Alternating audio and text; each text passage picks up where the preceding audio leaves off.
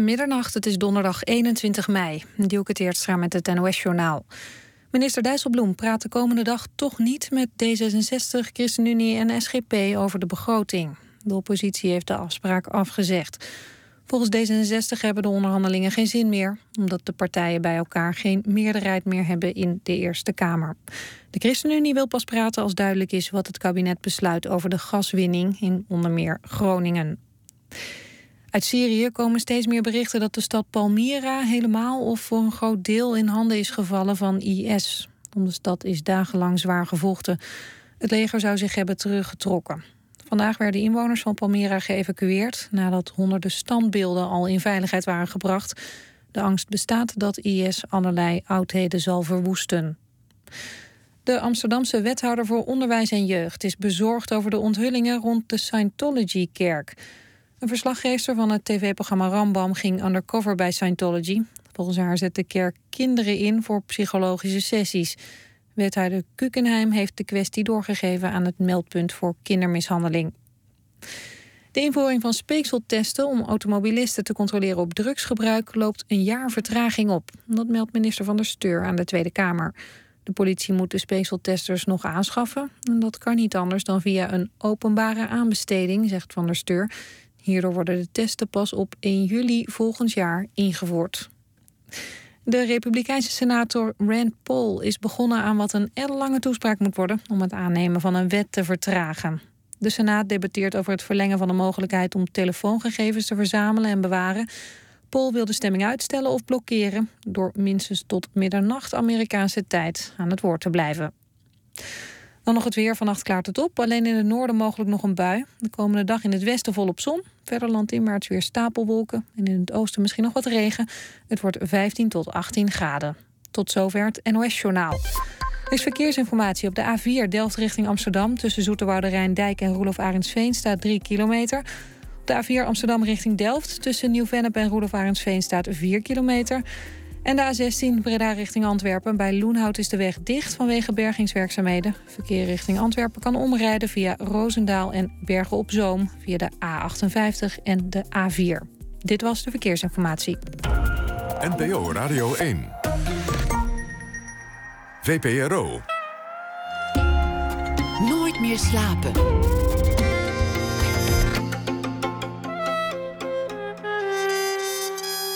Met Pieter van der Wielen. Goedenacht en welkom bij Nooit meer slapen. Een podcast over een echte moordzaak die razend populair werd in de Verenigde Staten. En mogelijk gaat de moordzaak zelfs heropend worden. Een uh, spannende wending. Straks aandacht voor die podcast na ene. Dan ook een verhaal van Jeroen Teunissen, de Vlaming die deze week elke dag een verhaal voor ons schrijft en dat uh, s'nachts voordraagt. En liefde in tijden van Grinder en Tinder. Kunstenaar Jeroen Teunissen die maakte een. Uh, project met, uh, met dat uh, thema exact. En dat uh, gaan we dus na ene ook weer behandelen. Ik zeg het verkeerd, niet Jeroen Teunissen. Dries Verhoeven maakte dat project. We beginnen met Mike Baudet. Hij is hier te gast. Je loopt een zaal binnen. En daar op het podium zit ineens zachtjes Julien Clerc te zingen. En hij zingt een ja. partij vals. En dan onderbreekt hij dat optreden om, om hamburgers te eten. En die hamburgers die blijken dan zo smerig dat hij het uitroept. Oh, wacht. Het is een droom.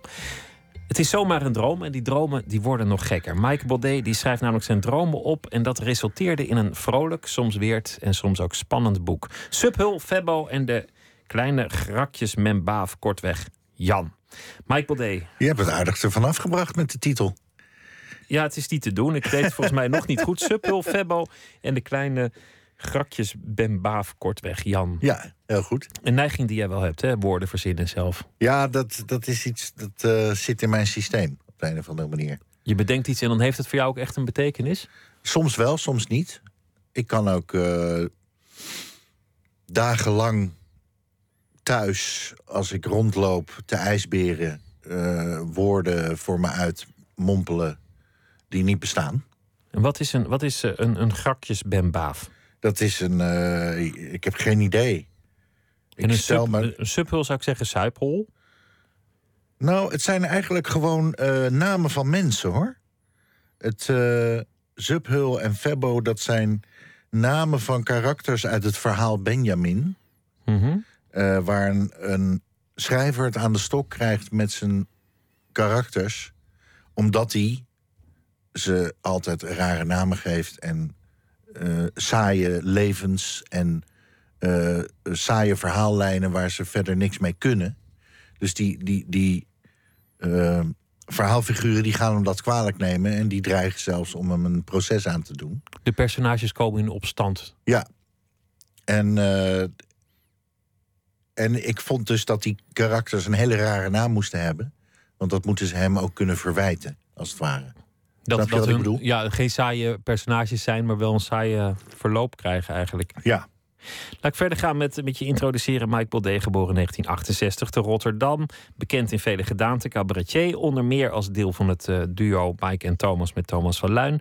Muzikant in vele genres, want veelzijdig pianist. Televisiemaker ook nog eens. En ooit studeerde hij sinologie. Nou, dat hebben we ook achter de rug. Ja. Je dromen. Uh, schrijf je echt elke ochtend netjes op wat je de nacht ervoor gedroomd hebt? Nou, ik heb het uh, nu alweer een tijdje niet meer gedaan. Maar ik heb het, uh, terwijl ik aan het schrijven was aan dit boek, heb ik het een jaar of twee volgehouden. Om s'nachts, ik word s'nachts eigenlijk altijd automatisch één keer wakker. Na de droom ook meteen? Uh, nou, dat weet ik niet, maar ik word wakker en dan herinner ik me een, vaak een droom. Die ik net gedroomd heb. En of dat een uur daarvoor is of tien minuten daarvoor, dat weet ik niet. Uh, maar ik heb dan een, een kladblokje naast mijn bed gelegd met een potlood erbij en een heel klein lampje. Zodat mijn vrouw, uh, mijn vrouw kan doorslapen. Uh, als ik het licht aan doe. En dan schrijf ik zo'n stuk of 15 à 20 sleutelwoorden, steekwoorden op over die droom. En als ik dan s ochtends die steekwoorden lees, dan kan ik de hele droom weer terughalen en reconstrueren. Dus dat heb ik een lange tijd gedaan, twee jaar lang. Heb ik heel veel dromen opgeschreven. Overigens zijn die lang niet allemaal uh, de moeite waard hoor. Uh, sommige dromen, er gebeuren gewoon hele saaie dingen. Sommige dromen zijn ook uh, enorm gewelddadig. Die ik nou ja, bijna niet aan het papier zou durven toevertrouwen. maar er zaten er een aantal bij waarvan ik dacht: ja, dit is leuk om, om waarom, uit te geven. Waarom ben je daarmee begonnen met je, met je droom opschrijven? Nou, ik heb het eigenlijk afgekeken van een vriend van mij. Uh, ik, had een, ik woonde in Leiden, studeerde daar. Had een goede vriend, Elko Joustra. Uh, die ik nu helaas al, al een hele tijd niet meer gezien heb. Um, maar die was op een gegeven moment bezig om zichzelf te leren om lucide te dromen. Dus dat je in je droom weet, ik droom, en dat je de droom kan sturen. Dat je, dat je kunt opstaan in een situatie en zeggen: Wacht even, jongens, mijn droom, ik ben hier de baas, we Juist. gaan het anders doen. Ja, en alle mannen gaan nu de kamer uit en de vrouwen trekken hun bloesjes uit. Zo. Dat je, Als je echt lucide droomt, dan, dan, dan lukt dat. Dan kan dat. Uh, en um, hij was daarmee bezig en ik uh, herinnerde mij dat een paar jaar geleden. En dacht van, god, het zou leuk zijn als ik eens een boek kon schrijven... en daarbij kon putten uit mijn eigen dromen. Want dan komen er altijd dingen naar boven die je niet verwacht. Als je gewoon aan een verhaal gaat schrijven terwijl je wakker bent, dan komen er toch altijd vaste patronen in terug en vaste uh, thema's die in jouw leven een rol spelen. En uh, die dromen zijn zo lekker onvoorspelbaar. Daar komen allemaal hele merkwaardige gebeurtenissen in voor. Want alles kan in een droom, de verhalen en kloppen niet. Ja. Maar, maar um, Freud, hij is niet meer helemaal in de mode, geloof ik. Maar nee. die, die droeg aan zijn patiënten ook altijd op om de dromen bij te houden om jezelf en je worstelingen te leren kennen. Ja, nou, ik kan me daar wel iets bij voorstellen. Ik, uh, ik heb ook wel gemerkt dat er bepaalde thema's zijn die bij mij terugkeren. Um, ik merk heel vaak dat er beroemde mensen in mijn dromen zitten. Uh, maar dat zijn dan vaak beroemde mensen uh, die op mij indruk hebben gemaakt toen ik jong was. To toen ik, nou ja, een jaar of 15, 16 was. Idolen, iconen. Idolen, iconen uit die tijd. Frank Sinatra, uh, Simon Garfunkel. Joni Mitchell. Joni Mick, Mitchell. Mick Jagger. Ja, ja, ze komen allemaal voor. Um, dat is één thema wat, wat steeds terugkeert. Verder ben ik toch wel vrij vaak een beetje de slemiel in mijn dromen. Uh, dingen keren zich vaak uiteindelijk tegen mij. Maar ook een, een slemiel met geldingsdrang. Een slemiel die wel degelijk ja. wil. Die, je wil ja. op dat podium staan. Je, je hebt ergens het gevoel, ik ga het helemaal maken. Kom op, opzij, hier is Mike Baudet. Ja, ja. En, en vervolgens, nou ja, dan zijn het je oudste vrienden die in de zaal zitten en, en die beginnen te keten en zich tegen je keren. Of, ja, of het theater stort in. Nou ja, iedereen weet hoe een angstdroom kan gaan. precies, ja. Ja, ik had ook... eh, vandaag had ik weer een droom die toevallig herinnerde... dat ik op de lagere school Sinterklaasochtend ging vieren... maar dat ik drie uur te laat was. En eh, dat ik bovendien mijn surprises niet af had... maar dat ik wel met de auto was gekomen... Eh, en die auto had ik fout geparkeerd en die werd toen weer weggesleept. En nou ja, ik kwam in allerlei eh, narigheid terecht. Uitgaande van een situatie waarin ik mezelf juist wilde presenteren. Van eh, leuke, mooie surprises gemaakt en mooie gedichten erbij. En, eh, dus in de overtuiging dat ik iets moois ga neerzetten, wordt dat op een gegeven moment gefrustreerd in mijn dromen. Schiet je tekort. En dat op Ja. de lagere school, want dat zegt natuurlijk ook iets. Ja. Dat, dat hebben volgens mij heel veel mensen die. Ik heb wel eens een hele beroemde professor eh, gehoord. Die, die bijna elke nacht droomde dat hij ineens weer eerstejaars student was. Oh ja. en, en zijn eerste examen opnieuw moest doen. Ja. Daar zit het element in van. Ja, je bent hier wel de chique professor, maar ga eerst nog maar even je eerste examen overnieuw doen. Ja. Ja, dat soort dromen heb ik heel vaak. Dat ik op de, om een bepaalde reden terug moet naar de lagere school. Of dat ik eh, op de middelbare school een examen moet doen in een vak wat ik nooit gehad heb. Eh, waarvan ik ook niet weet waar het gedoseerd wordt. Eh, ik word heel vaak, breng ik mezelf weer in schoolsituaties. Op de een of andere manier is dat zo, heeft dat zoveel indruk op mij gemaakt... dat ik mezelf daar telkens in terugbreng. Ja, want En, die, daar- en al die beroemde mensen, dat, ja, dat heeft toch iets eh, met mijn grenzeloze ambities te maken, denk ik. Dus, dus aan de ene kant een, een heel ambi- als ik je aan de hand van je dromen zou moeten kenschetsen, een, een man vol ambities, vol geldingsdrang, met, met goede Ja. moed en energie, hop de planken op, overtuigd dat hij het kan. En dan ineens overvalt hem een, een angst van, ja, Baudet, daar sta je, maar Maar kun je dit eigenlijk wel ga je het waarmaken? wel waarmaken? Ja, ja, ja, dat is denk ik mijn diepste angst. Dat je op het moment suprême naar voren stapt... en eh, dubbele punt aanhalingstekens en je begint een zin... en die komt er gewoon niet meer goed uit. Of je, je, je maakt een geweldige afgang... of op het laatste moment wordt jouw streven gefrustreerd. zeg Maar je, zit, je zit al lang in het vak, dus waarschijnlijk zijn al die dromen, die nachtmerries al een keer uitgekomen. Oh ja, En viel het eigenlijk wel mee. Het viel reuze mee. Ik ben wel eens eh, spectaculair afgegaan. Toen mijn collega Thomas van Luin eh, in, een, in een. Die moest uit Duitsland komen. En die zat in een, eh, een of andere. Die kreeg een lekker band en die kwam in files terecht. Nou, dat liep allemaal uit de hand. Dus die kwam te laat bij de voorstelling aan. Eh, dat was in Middelburg voor een volle schouwburg. Mijn eerste volle schouwburg in Middelburg. En toen heb ik een half uurtje de boel geprobeerd aan de gang te houden. Je dacht, dat doe ik wel eventjes. Ik dacht, ik loop het podium op en dat, ja, dat regel ik. Nou zal ik eens laten zien wat ik allemaal in huis heb. En eh, dat was een, eigenlijk een hilarische situatie. Want er waren mensen in de zaal die vonden het... die hadden heel veel sympathie voor wat ik deed. Maar het was gewoon niet echt om aan te zien. En er waren ook mensen die, die waren echt boos. Van, verdomme, ik heb hier eh, 20 euro betaald. Ik wil eh, een fatsoenlijk programma. En die gingen met elkaar ruzie maken in de zaal. De, de voorstanders en de tegenstanders. Ja, dus dan, dan riep er iemand uit protest iets naar het podium. En dan riep een ander: Ja, maar hij probeert toch zijn best te doen. En laat die jongen nou toch. En weet je wel? Dit wel echt een nachtmerrie. Ja, het was echt een nachtmerrie. En het mooiste was dat de technicus na afloop naar mij toe kwam.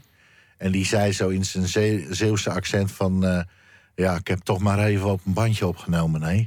En die had die overhandigde mij een cassetteband. Van de discussie in de zaal. ja, die ja, misschien had wel leuker was. opgenomen. Leuker was nog dan wat- er op het podium Wat er op het podium gebeurde, ja. ja. Wat, wat voor slaper ben je? Want je zei net, ik word één keer per nacht wakker. Val je Eh. makkelijk in slaap? Slaap je lekker door? Eh, ben je een, een, snurker? Lig je te woelen, te kwijlen? Te... Ik ben een apneu-patiënt. Oh jee. Dus ik heb last van ademstops. Maar sinds ik een klein maskertje draag waar lucht doorheen wordt geblazen, slaap ik als een zonnetje. Dus ik slaap eigenlijk. eh, ik heb een aantal jaren heel slecht geslapen. Eh, en sliep ook altijd urenlang uit, tot, tot ver in de middag. Omdat ik gewoon kapot was. Omdat je, je, je sliep wel, maar eigenlijk helemaal niet zo diep. Omdat je steeds wakker schokte door die ademstops. En dan. Ja, ik had eh, zo'n 45 ademstops per uur. Dat betekent dus dat je ja, om de minuut en een aantal seconden eh, eigenlijk eh, wakker wordt. En dat doe je in een soort halfslaap en dan slaap je weer in. Vervolgens stopt je adem weer, dan word je weer wakker en dan slaap je weer in. En zo gaat dat. Zo ging dat jarenlang de hele nacht door. Hoe ben je erachter gekomen dat dat het probleem was? Nou, mijn, eh, mijn vriendin.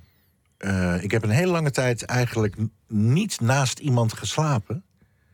En pas toen ik weer een vriendin kreeg, toen zei die op een gegeven moment van... joh, dit klopt niet hoor, wat er bij jou aan de hand is. Je, je wordt soms heel woest wakker. En dan ging ik ook om me heen slaan. Ik heb haar ook wel eens behoorlijk eh, Afgerost, geraakt. per ongeluk? Ja. Ja. ja. En eh, toen zei zij op een gegeven moment... nee, daar moet je eens wat aan gaan doen. Dus toen ben ik naar de slaappolie gegaan in eh, Den Haag, in het Westeinde. En eh, toen hebben ze mij zo'n maskertje gegeven. En het gaat fantastisch. Moet je je voorstellen hoe goed je gefunctioneerd zou hebben al die jaren als je dat had geweten. Dat, Jezus. dat er dus eigenlijk een soort, soort, was soort ik nu in je, geweest. in, in je bestaan was. Veel van die je hebt het boek, eh, nog even iets over het boek vertellen. Je hebt het, je hebt het ook vormgegeven als een droom. Dus, dus alles loopt door elkaar. Het is geschreven als, als droom. Het is, het is ontwrichtend en, en, en gek en soms, soms beangstigend. Dus ik denk dat voor, voor, voor iedereen die wel eens droomt en zich dromen herinnert ook wel een soort herkenning oproept. Ja, daar zou ik me best wel bij voor kunnen stellen, ja. Ja, de, de, de elementen als eh, eh, angstdromen en, en, en... Er zit ook een droom in waarin ik mezelf beschrijf als, als zijnde een slecht mens. Waarin een, een bende psychopaten mijn school binnendringt. En ik ga eigenlijk een, een beetje meedoen met me misdragen om te kunnen ontsnappen, om niet op te vallen. En eh, dat is denk ik ook een fundamentele angst van mij dat ik dat ooit zal blijken dat ik een dat ik niet deug. Dat je, dat, je, dat je echt door de mand valt, ook in moreel opzicht. Ja, Dat, ja, dat ja. die Mike Baudet eigenlijk een, een enorme schurk was. doortrapte, doortrapte egoïstische naarling is. Lijkt me toch niet? Lijkt me ook niet. Maar eh, op een onderbewust niveau kunnen, kunnen al dat soort angsten meespelen.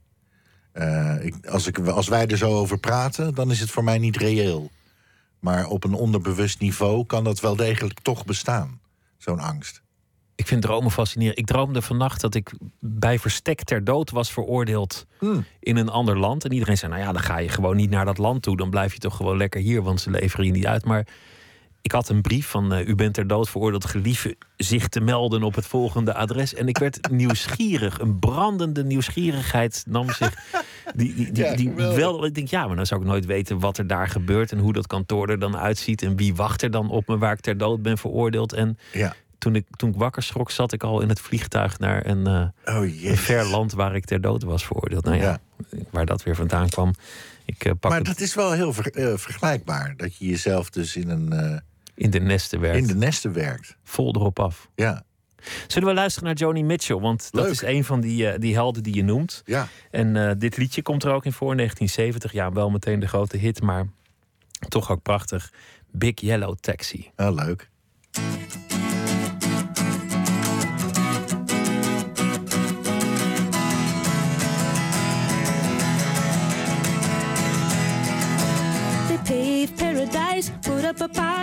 Lot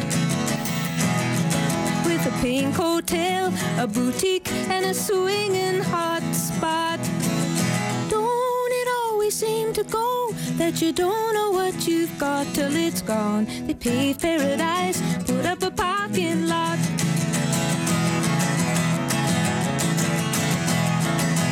They took all the trees, put them in a tree museum. Charge the people a dollar and a half just to see them. Don't it always seem to go that you don't know what you've got till it's gone? They pave paradise, put up a parking lot.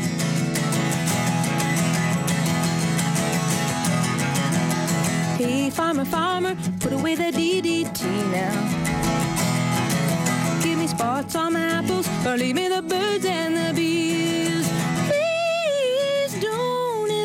To go that you don't know what you've got till it's gone. They paved paradise, put up a parking lot.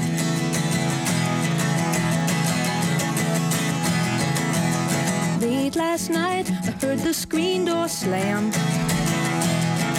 And a big yellow taxi took away my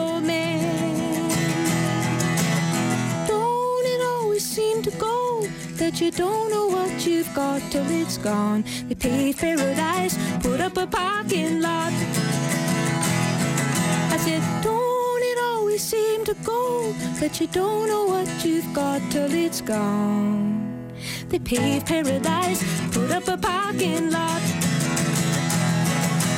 They paved paradise, put up a parking lot.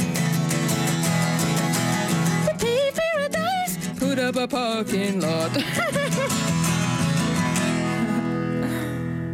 Joni Mitchell uit 1970, Big Yellow Taxi. Een van de idolen die langskwam in de dromen van Mike Baudet. In het boek Subhol, Febbo en de kleine grakjes Ben Baaf, kortweg Jan.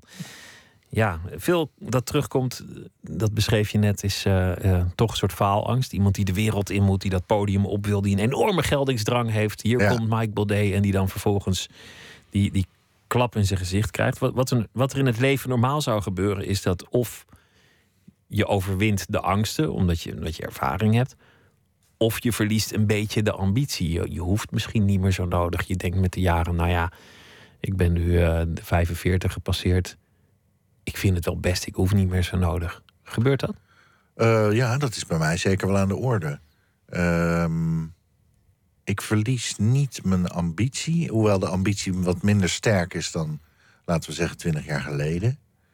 Eh, en in zekere zin heb ik ook wel bepaalde angsten overwonnen. Maar het optreden kost mij altijd wel heel veel energie. Om je ervoor klaar te maken, om om, me er ervoor te eh, gaan. op te pompen, zeg maar.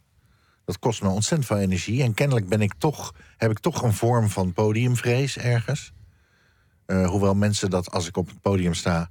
mensen zeggen dan dat ze dat niet aan mij merken... maar ik voel mezelf altijd, eh, met name de dag erna... alsof er een eh, kudde olifanten over me heen ge- gereest is. Dan ben je helemaal leeg. Ja, dan ben ik kapot. En dat gevoel, dat gaat op een gegeven moment een beetje op je zenuwen werken. Nou ja, op mijn zenuwen werken is niet de goede uitdrukking. Ik werd daar, ik was dat een beetje beu. Dus ik heb eh, de, de optredens in theaters heb ik voorlopig een beetje eh, in de ijskast gezet. En eh, zoiets als bijvoorbeeld wat ik nu op zondag doe bij Podium Bitterman, dat kan ik veel beter hanteren. Dat is, ja, op de een of andere manier is dat in een hele vertrouwde omgeving. Je maakt het programma samen met andere mensen. Dus de druk is dan minder hoog. En meer, misschien iets meer richting de muziek dan richting het, het theater. Ja, klopt. Ja. Want in die zin heb je eigenlijk een, een merkwaardig talent. Want ja, wat, wat is eigenlijk jouw talent? Het, het schiet alle kanten op. Ja. En Ja. een van de talenten die je zeker hebt, is dat je onvoorstelbaar muzikaal bent. Maar dan ook in alle richtingen. Dan weer jazz, dan weer klassiek, dan weer pop, dan weer een liedje, dan weer. Het, het, het lijkt wel alsof dat totaal niet gebundeld is. Nee, ja, ik heb ook eigenlijk altijd alles leuk gevonden. Hoewel ik wel moet zeggen dat ik mijn duidelijke voorkeuren heb. Ehm, ik hou meer van, van jazz en van klassiek dan van hedendaagse popmuziek. Er is popmuziek van wat langer geleden die ik wel fantastisch vind. En er is ook nu nog wel popmuziek die ik leuk vind. Eh, Snarky Puppy vind ik bijvoorbeeld een fantastische band. En ik, ik hoorde vandaag ook een hele goede band. Tristan. Tristan.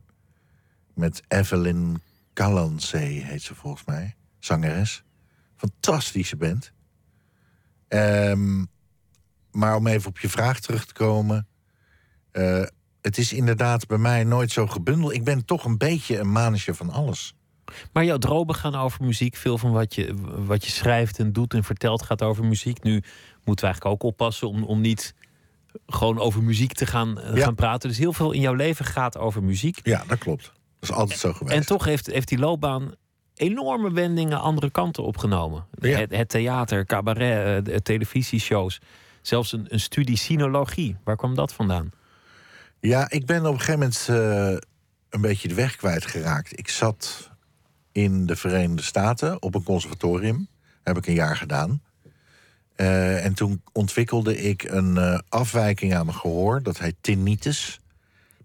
Bij sommige mensen een permanente piep en bij anderen gewoon pijn als er lawaai is. Ja. Hele erge pijn soms. Ja, nou, bij mij, in, bij mij, in mijn geval is het het, het laatste. Eh, pijn als er lawaai is en hele irritante bijgeluiden. Alsof er allerlei trams door de bocht gieren.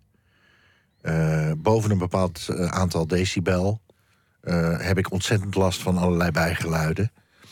Eh, en dat heeft mij op een bepaald moment een beetje de lust ontnomen om verder te gaan in de muziek. Want dat deed je gewoon pijn. Ja, dus ik dacht, dan moet ik de muziek niet ingaan, want dan maak ik mezelf gek.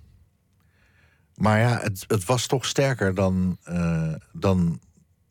Of laat ik zeggen, het bloed kroop waar het. hoe zeg je dat ook weer? Waar het niet gaan kon. Waar het niet gaan kon, Ja, juist. een onmogelijk verlangen was het. Ja, dus de muziek kwam vanzelf weer in mijn leven. En toen ontdekte ik dat je in het theater muziek kunt maken op een eigenlijk een redelijk beschaafd eh, geluidsniveau. Waar ik veel minder last heb van mijn tinnitus. Dan wanneer ik met een popband op een eh, festival speelde of zo. Of met een big band eh, een jazzconcert gaf. In het theater zijn de ensembles meestal kleiner en, de, en de, de geluidsniveaus zijn veel meer aan banden gelegd. Ehm, dus daar had ik veel minder last van de tinnitus. En zo ben ik eigenlijk in het theater eh, terechtgekomen. Zou je die angst en, en die podiumvrees en dat, dat gevoel tekort te schieten minder hebben wanneer je gewoon geen tinnitus had gehad en eh, gewoon jazzpianist was geworden? Nee, dat denk ik niet. Dan was er nog steeds geweest. Ja, dan was er nog steeds geweest. Ja. Dus Maar ik heb niet. zelf ook het idee dat ik nog steeds eh, gewoon muzikant ben. een dus- muzikant die af en toe theater maakt of die af en toe een uitstapje doet in een andere richting. Ja, ik voel me eh, voornamelijk muzikant. En eh, dat is waar ik nu ook mijn geld mee verdien. In het podium Witteman. Met een paar grapjes en met een liedje. En, en eigenlijk in de, in, de, in de vorige eh, programma's die je deed, was het ook meestal muziek met Hadewig Minus op tour. Of, of Ja. in het concertgebouw orkest een soort avond samenstellen waarin je verbanden legt tussen muziek. Eh, Ja, al, al dat soort dingen. Het gaat eigenlijk tegenwoordig meestal wel over muziek. Ja, ik heb, me, ik heb op een gegeven moment heel bewust de keuze gemaakt om het wat meer richting de muziek te duwen. Om weer een beetje mijn oude liefde in ere te herstellen. En ik speel nu ook wel eens met een trio. In een, eh, onder andere in een café in, eh, in Den Haag, Café Savannah. En dat zijn optredens waar ik nooit rijk van zal worden. Maar waar ik, waar ik wel intens van geniet. Ja, want jazz en armoede, dat is op de een of andere manier een combinatie. Dat is met, eh, onlosmakelijk met elkaar verbonden. Ja, dat zal nooit anders zijn. Eh, Er zijn, zijn een paar jazzmuzici in Nederland die dat eh, kunnen vermijden. Maar de meesten die eh, moeten er toch bij lesgeven of iets anders bij doen. En ik verdien mijn geld met televisie. Moment. En, eh, maar dat kan ook weer veranderen. Ik, eh, de balans in mijn leven is elk jaar weer anders. En ik, dat houdt mij ook wel fris eigenlijk. Dus ik heb niet het gevoel dat ik nu geen muzikant meer ben. Dat was je eigenlijk altijd. Maar goed, je moest iets. Je ging sinologie studeren. Eh, eh, ja, omdat je kennelijk iets met China had. Of je dacht van, nou ja, ik vind het een leuke studie. Of, of eh, Ja, nou, mijn grootvader die was ooit directeur van de Holland-China Handelsmaatschappij. Praat je echt over 1910, hè? mhm. En die hadden een kantoor in Shanghai. En eh, hij ging daar ook wel heen met de Trans-Siberische Express. En dan schreef hij kaarten naar de familie. En, ehm, dus wij hebben thuis altijd Chinese spulletjes gehad. Meubels, lampen, potjes, dingetjes, beeldjes. En eh, zo ben ik eigenlijk een beetje opgegroeid met, met, met een aantal eh, Chinese artefacten. En toen ik de muziek tijdelijk vaarwel zei, toen dacht ik, weet je wat, ik ga dat Chinees oppakken. En dan ga ik eh, Japans erbij doen en Sanskriet. En dan word ik boeddhisme-kenner. ik zag mezelf al helemaal als eh, zen-boeddhist. En eh, als wereldberoemde zen-kenner. Maar ja, al snel bleek dat ik... Ten eerste, op dag één kwam ik Thomas van Luijn tegen. Want ik deed de deur open van modern Chinese taalvaardigheid, les 1. En daar zat Thomas van Luijn. eh, wazig voor zich uit te kijken, want die wist ook niet zo goed wat hij moest. Nee, hoe die daar nou weer verzeld raakte. Ja, die had ook zo'n soort vage ambitie.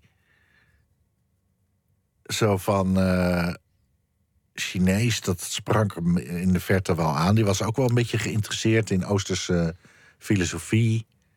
Maar ja, dat is, dat is hoe mensen studies kiezen. Dat, dat, dat, achteraf is het misschien wel een belangrijke eh, keuze, maar, maar vaak op, op heel slechte motieven Ja, genomen. Dan, dan, Precies. eh, je, je had een paar jaar geleden een Koreaans hitje. En toen nam het aantal inschrijvingen voor Koreaanse studies ineens eh, gigantisch Ja, toe. ja. Dus, dus dat is hoe het gaat. Maar die ontmoeting met Thomas van Luijn is, is natuurlijk heel bepalend geweest. ja, die was wel cruciaal.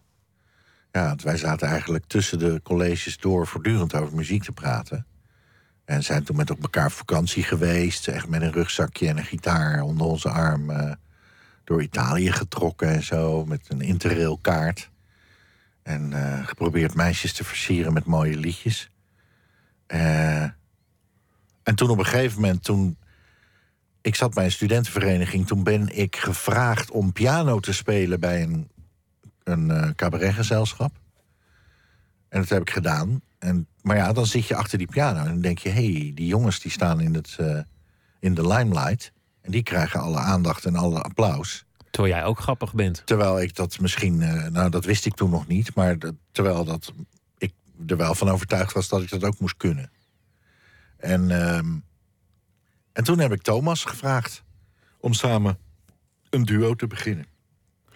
Het succes is bekend. Eh, wat jullie allemaal gedaan hebben, ehm, is denk ik bij heel veel mensen ook, ook bekend. Want, het- want jullie schoten vrij snel omhoog als, als, de, als de kurk uit een champagnefles zo'n beetje eh, in jullie loopbaan. In je vorige boek beschrijf je meteen wat er, wat er daarna gebeurt. Ja, Het, het succes is gigantisch. J- jij woont nog in Leiden. Het is eind jaren negentig. Alles lacht je toe.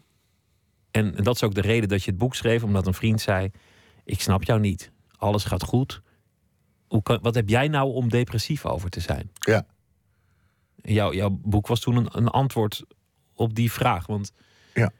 dat, die depressie, was, was dat meteen een hele diepe, of, of waren de depressies die later kwamen erger? Ja, het is, werd eh, van lieverlee erger. En achteraf denk ik dat ik eigenlijk op mijn dertiende, veertiende al heel, een heel klein beetje depressief aan het worden was. Ik werd al wat somber en ik werd al wat zwaar op de hand en wat labieler. En eh, dat kwam tot een hoogtepunt. Ik ben eerst een paar jaar, ja, om het maar te zeggen, chronisch vermoeid geweest. Eh, wat achteraf ook verschijnselen waren van depressiviteit. Maar dat wist ik toen nog niet.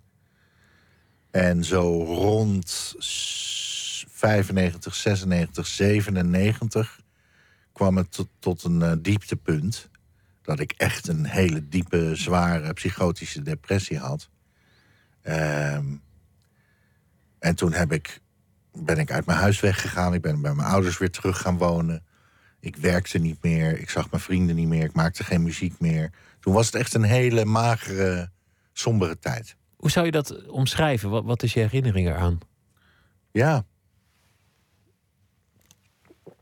Het is een tijd waarin ik heel erg op mezelf werd teruggeworpen. Maar het is ook wel een tijd waarin ik eh, een soort verstandhouding met mezelf heb opgebouwd. En eh, ook waar ik met een lichte, misschien wel misplaatste trots op terugkijk. Dat ik het doorstaan heb en dat ik mezelf er doorheen gesleurd heb. Hoe heb je, hoe, want, want jezelf er doorheen gesleurd. Hoe moet je dat zien? Want, want op een gegeven moment, heel veel later, erkende je wat er aan de hand was en, en kreeg je medicijnen. Ja. En, en, en dan is het nog even zoeken naar de, de juiste dosering. Precies. Maar jij zegt, ik heb mezelf er doorheen ge- gesleurd. Ja, ehm, door mezelf niet van kant te maken, heb ik mezelf er doorheen gesleurd. Want die, die, die gedachte aan zelfmoord was voortdurend aanwezig. Daar heb ik jaren tegen gevochten. En eh, dat verlangen kan heel sterk worden. Hoe gaat dat? Eh, dat werkt. Ja, in mijn geval was het zo dat de ellende zo diep was. Eh, en dat ik geen uitweg zag. Al was het alleen maar omdat ik depressief was en alles somber bekeek. En dat ik dacht op een gegeven moment van ja, mezelf doden is de enige uitweg. De enige manier om, om uit, Om van die ellende af te komen. uit deze dus gesteldheid ik wou niet dood, maar ik wou van de ellende af. Kun je het vergelijken met, met, met iets medisch? Zeg een, een, een, een, een koortslip. Dat als je eenmaal een koortslip hebt, dat, dat er altijd kans is dat het terugkeert. Eh, nou, er, er is geloof ik wel een wetmatigheid op dat gebied. Die, eh, dat is uit wetenschappelijk onderzoek gebleken. Dat mensen die de kans om een, een herhaling te hebben van zo'n depressieve episode. Neemt enorm toe naarmate je meer episodes gehad hebt. Dat is ook logisch. Maar eh, ik heb er nu, eh, denk ik, zo'n stuk of drie gehad. Ehm, de kans dat ik er nog een krijg is vrij groot. Maar eh, ik heb het voordeel dat ik nu een goede pil heb. En die maakt de kans weer kleiner. Dus ja, hoe, hoe dat precies uiteindelijk onder de streep uitwerkt, weet ik niet. Wat voor getal daaruit komt. Maar ehm, zeker is wel dat ik een goede kans heb dat ik mij de depres- depressies van het lijf kan houden door deze pil te blijven slikken. En, en zie je het aankomen? Want, want misschien herken je op een zeker ogenblik de omstandigheden en de tekenen die, die aan een depressie voorafgaan. Of, of is dat naïef? Ja, dat, dat, dat is wel gedeeltelijk zo. Eh, bij mij begint het met heel veel slapen. En, Vermoeidheid. Vermoeidheid, eh, een beetje passiviteit. En eh, ik heb bijvoorbeeld een, een- een, keertje mijn medicijnen afgebouwd. Omdat ik dacht van nou, misschien kan ik wel zonder. En toen heb ik eh, binnen een paar weken belandde ik weer in zo'n situatie dat ik slaperig werd, hele dagen in bed lag, alleen nog maar uit mijn bed kwam om even wat te eten en daarna dat dook ik er meteen weer in. Dus dat waren wel de vege tekenen van het begin van een nieuwe depressie. En toen ben ik de pil weer gaan slikken en toen was het weg. Dus eigenlijk ben je veroordeeld tot een leven lang pillen slikken. Ja. Maar ja, dat, dat kun je heel dramatisch maken. Maar suikerpatiënten moeten ook spuiten. En Ja, zo'n pilletje is zo weg, toch? precies. Ik vind het een eh, minimale, minimaal offer. Wat heeft het je gebracht? Want je zei net, het, het, het is ook een soort trots. Ja. Het heeft me gebracht dat ik, dat ik weet wat ik kan, omdat ik het overwonnen heb. Het heeft eh, mij gebracht dat ik anders tegen het leven aan ben gaan kijken. En dat ik wat minder veel eisend ben. Ik merk dat ik met minder genoegen neem. Eh, vroeger wilde ik altijd het beste van het beste. En ik wilde altijd eh, de beste in allerlei dingen zijn. Ehm, en tegenwoordig neem ik met veel minder genoegen. Hè, ik ben nu, ik zeg wel eens, ik, ik ben nu met een redelijk slecht glas wijn op een iets te koud terras met een saaie gesprekspartner ook tevreden. Dus ik ben wat minder veel eisend geworden. Daar zit weer in wat in, waar, je het over had in je dromen. De, de man die alles wil, die eigenlijk onmatig is in zijn verlangen. Die, die, die de top wil bereiken, de, op het podium, hier kom ik aan. Ja. En die dan eh, nou ja, als, een, als een soort eh Icarus of een supergrover ter aarde stort. Nou, het is, maar ja, voor mij voelt het dan niet meer als ter aarde storten, omdat ik er heel eh, gelukkig mee ben. Eh, en eh, ik, ik, ik zie wel een beetje het verband hoor, wat je schetst. Maar ik heb niet meer het gevoel dat ik als een Icarus naar beneden stort. Simpelweg omdat ik heel blij kan zijn met hele eenvoudige dingen. Dus dat is wat ik geleerd heb. Dat is eigenlijk wat ik probeer te zeggen. Dat ik geleerd heb om gewoon heel erg te kunnen genieten van kleine dingen. Een ander iets is dat, dat depressie wordt, wordt ge- geassocieerd met zwaarmoedigheid, somberheid. Dat, dat is waarschijnlijk ook wel de essentie. Maar tegelijk ben jij ook een ontzettend humoristisch iemand. Ja, maar als ik depressief ben, ben ik dat niet hoor. Dan is je humor ook verdwenen. Ja, die is weg. Dus, dus dat is bijna alsof er, alsof er twee versies van jou bestaan. Ja, dat, eh, zo voelt het ook wel een beetje. Het, Ja. het monster komt naar boven, het monster gaat weer weg. monster neemt je over en eh, het, eh, het vreet heel je leven op. Want ik doe dan niks meer van de dingen die mij gewoonlijk gelukkig maken. Dan kan ik niet meer werken, ik- naar muziek kan ik niet meer luisteren... ik kan geen mensen om me heen verdragen, zeker geen vrouw dicht bij me verdragen. Eh, ja, alle dingen die je gewoonlijk gelukkig kunnen maken en tevreden kunnen houden... die vallen dan weg. Terwijl in je goede tijden, want, want ehm, ik ken mensen die met jou hebben samengewerkt. En is een van de verhalen van ja, het, het is ontzettend lachen na afloop, lachen op weg naartoe. Het, het is enorm veel pret, enorm veel energie, enorme euforie. En dat is volgens mij ook de essentie van eh, alles wat je doet. Ook als het niet cabaret, ook als het niet theater is. De, de, de lol, de passie. Juist die, die, Ja, Die dat, andere kant. is misschien een gekke combinatie, maar eh, ja, ik ben dan eigenlijk nu ook al jaren niet meer depressief. Dus ik ben gewoon een heel tevreden en gelukkig mens. Een van de dingen die jullie vroeger altijd deden was, was odes aan anderen. eh, Klopt, ja. en en je, weet, je weet wat er nu aan zit te komen. Ja, want ik er heb is, het net eh, al gehoord, ja. Er is ook een ode aan jou geschreven. Een ode aan Mike Baudet. Ergens in dit land vraagt een meisje aan haar vader: wie is dat, die man die zingt op de tv? Daarop dat krukje en BO2. En haar vader zegt dan: Oh, dat is Mike Baudet. Achter de vleugel brengt hij een ode aan de gasten van vanavond, kijk maar mee. Dan zegt het meisje: Oké, als ik groot ben, later word ik Mike Baudet. Goed, zegt haar vader, leer eerst om te spelen. Luister Alexander Kneifel, hou van Weather Report. En zorg dat je begrijpt waarom het mooi is wat je hoort. Zo word je later Mike Baudet. Laat dan je voeten vormen door het stof van Rotterdam en rijpen in de Zeeuwse klei. En als je ouder bent, dan drink je wijn. Het liefste wit, maar anders rood of allebei. En als je triest bent, maak je een pil. Van woorden die je hoort en die je voelt. Zoals zuphul of grakjes bembaaf. Waarmee je zelf dan heel goed weet wat je bedoelt. Maar waarom, zegt haar vader, word jij Mike Baudet? Er is er toch alleen, wat bereik je daarmee? Nou, zegt het meisje, we moeten er twee. Anders krijgt hij zelf nooit een ode van Baudet.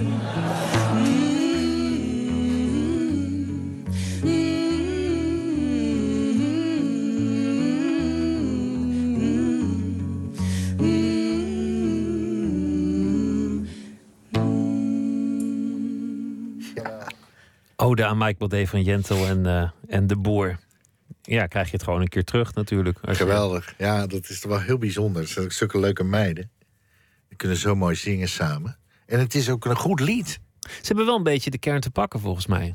Eh, het, het woorden verzinnen, eh, de, pil kwam langs. eh, ja, de, de, alle muziek. dingen kwamen langs. En, en het is ook... Ik was speciaal nogal gecharmeerd van dit liedje. Omdat het... je ziet tegenwoordig ontzettend veel singer-songwriters... Die, die liedjes maken die, eh, wat mij betreft, volstrekt oninteressant zijn. Maar deze twee dames die stoppen toch in elk liedje... een melodisch of harmonisch dingetje... wat net eventjes maf is, wat net even afwijkt... Het is niet van CFG, van het- eh, A mineur of... eh, Nee, het is niet het, het standaard eh, materiaal, maar ze, ze, ze hebben echt een originele kijk op muziek. En dat vind ik ontzettend leuk. In het boek over je dromen, alle muziek, eh, ehm, nou ja, we, daar hebben we het over gehad. Op een zeker ogenblik komt bijvoorbeeld een, een overleden studiegenoot eh, de- weer tot leven, een beetje half. Maar ook, ook je broer, die, Ja. die komt, komt langs. Klopt. Jij bent, wat dan oneerbiedig heet, een, nakomertje, volgens mij. Ja. Je, je- je was, was met enige afstand de jongste in De het gezin. Benjamin, ja. De Benjamin. Hoe, hoeveel jaar scheelde je met je broer? 17 jaar. Dat, dat is vrij flink. Ja. Dus, dus toen jij een babytje was, toen had hij een brommer. En toen hij... eh, hij is vrij jong... heeft hij zijn eindexamen gedaan, was hij nog 17. En toen ging... Dus hij vertrok eigenlijk naar Leiden toen ik eh, in de wereld kwam. Hij vertrok trok om te gaan studeren. Hij was dus een soort verre broer. Er was een verre broer die in weekenden af en toe thuis kwam met een tas met was. En die dan eh, schaakpartijen van vier uur met mijn vader ging zitten doen. Waar ik dan chagrijnig naast zat van... jongens, alsjeblieft, laten we iets, Iets leuks, iets bewegelijks gaan laten doen. we iets eh, meer actie in ons leven brengen. Dan een paard en een troon. En, en- Ja, en maar een zij konden urenlang met elkaar schaken. Dagenlang. Was hij ook een van je helden? Ja, absoluut. Ja, hij was absoluut een van mijn helden. Eh, op de een of andere manier, hij was de oudste, ik de jongste. En dat, dat, je hebt dan allebei een speciale positie in het gezin. En wij trokken erg naar elkaar toe, omdat we heel erg dezelfde humor hebben. Hij was ook iemand die heel graag mensen nadeed, imiteerde. En wat hij, wat hem heel bijzonder maakte, vond ik, was het feit dat hij alle onderwerpen interessant kon maken. Dus als ik bij hem was geweest, een avondje in zijn huis in Alphen aan Rijn... en ik kwam thuis, dan dacht ik altijd weer...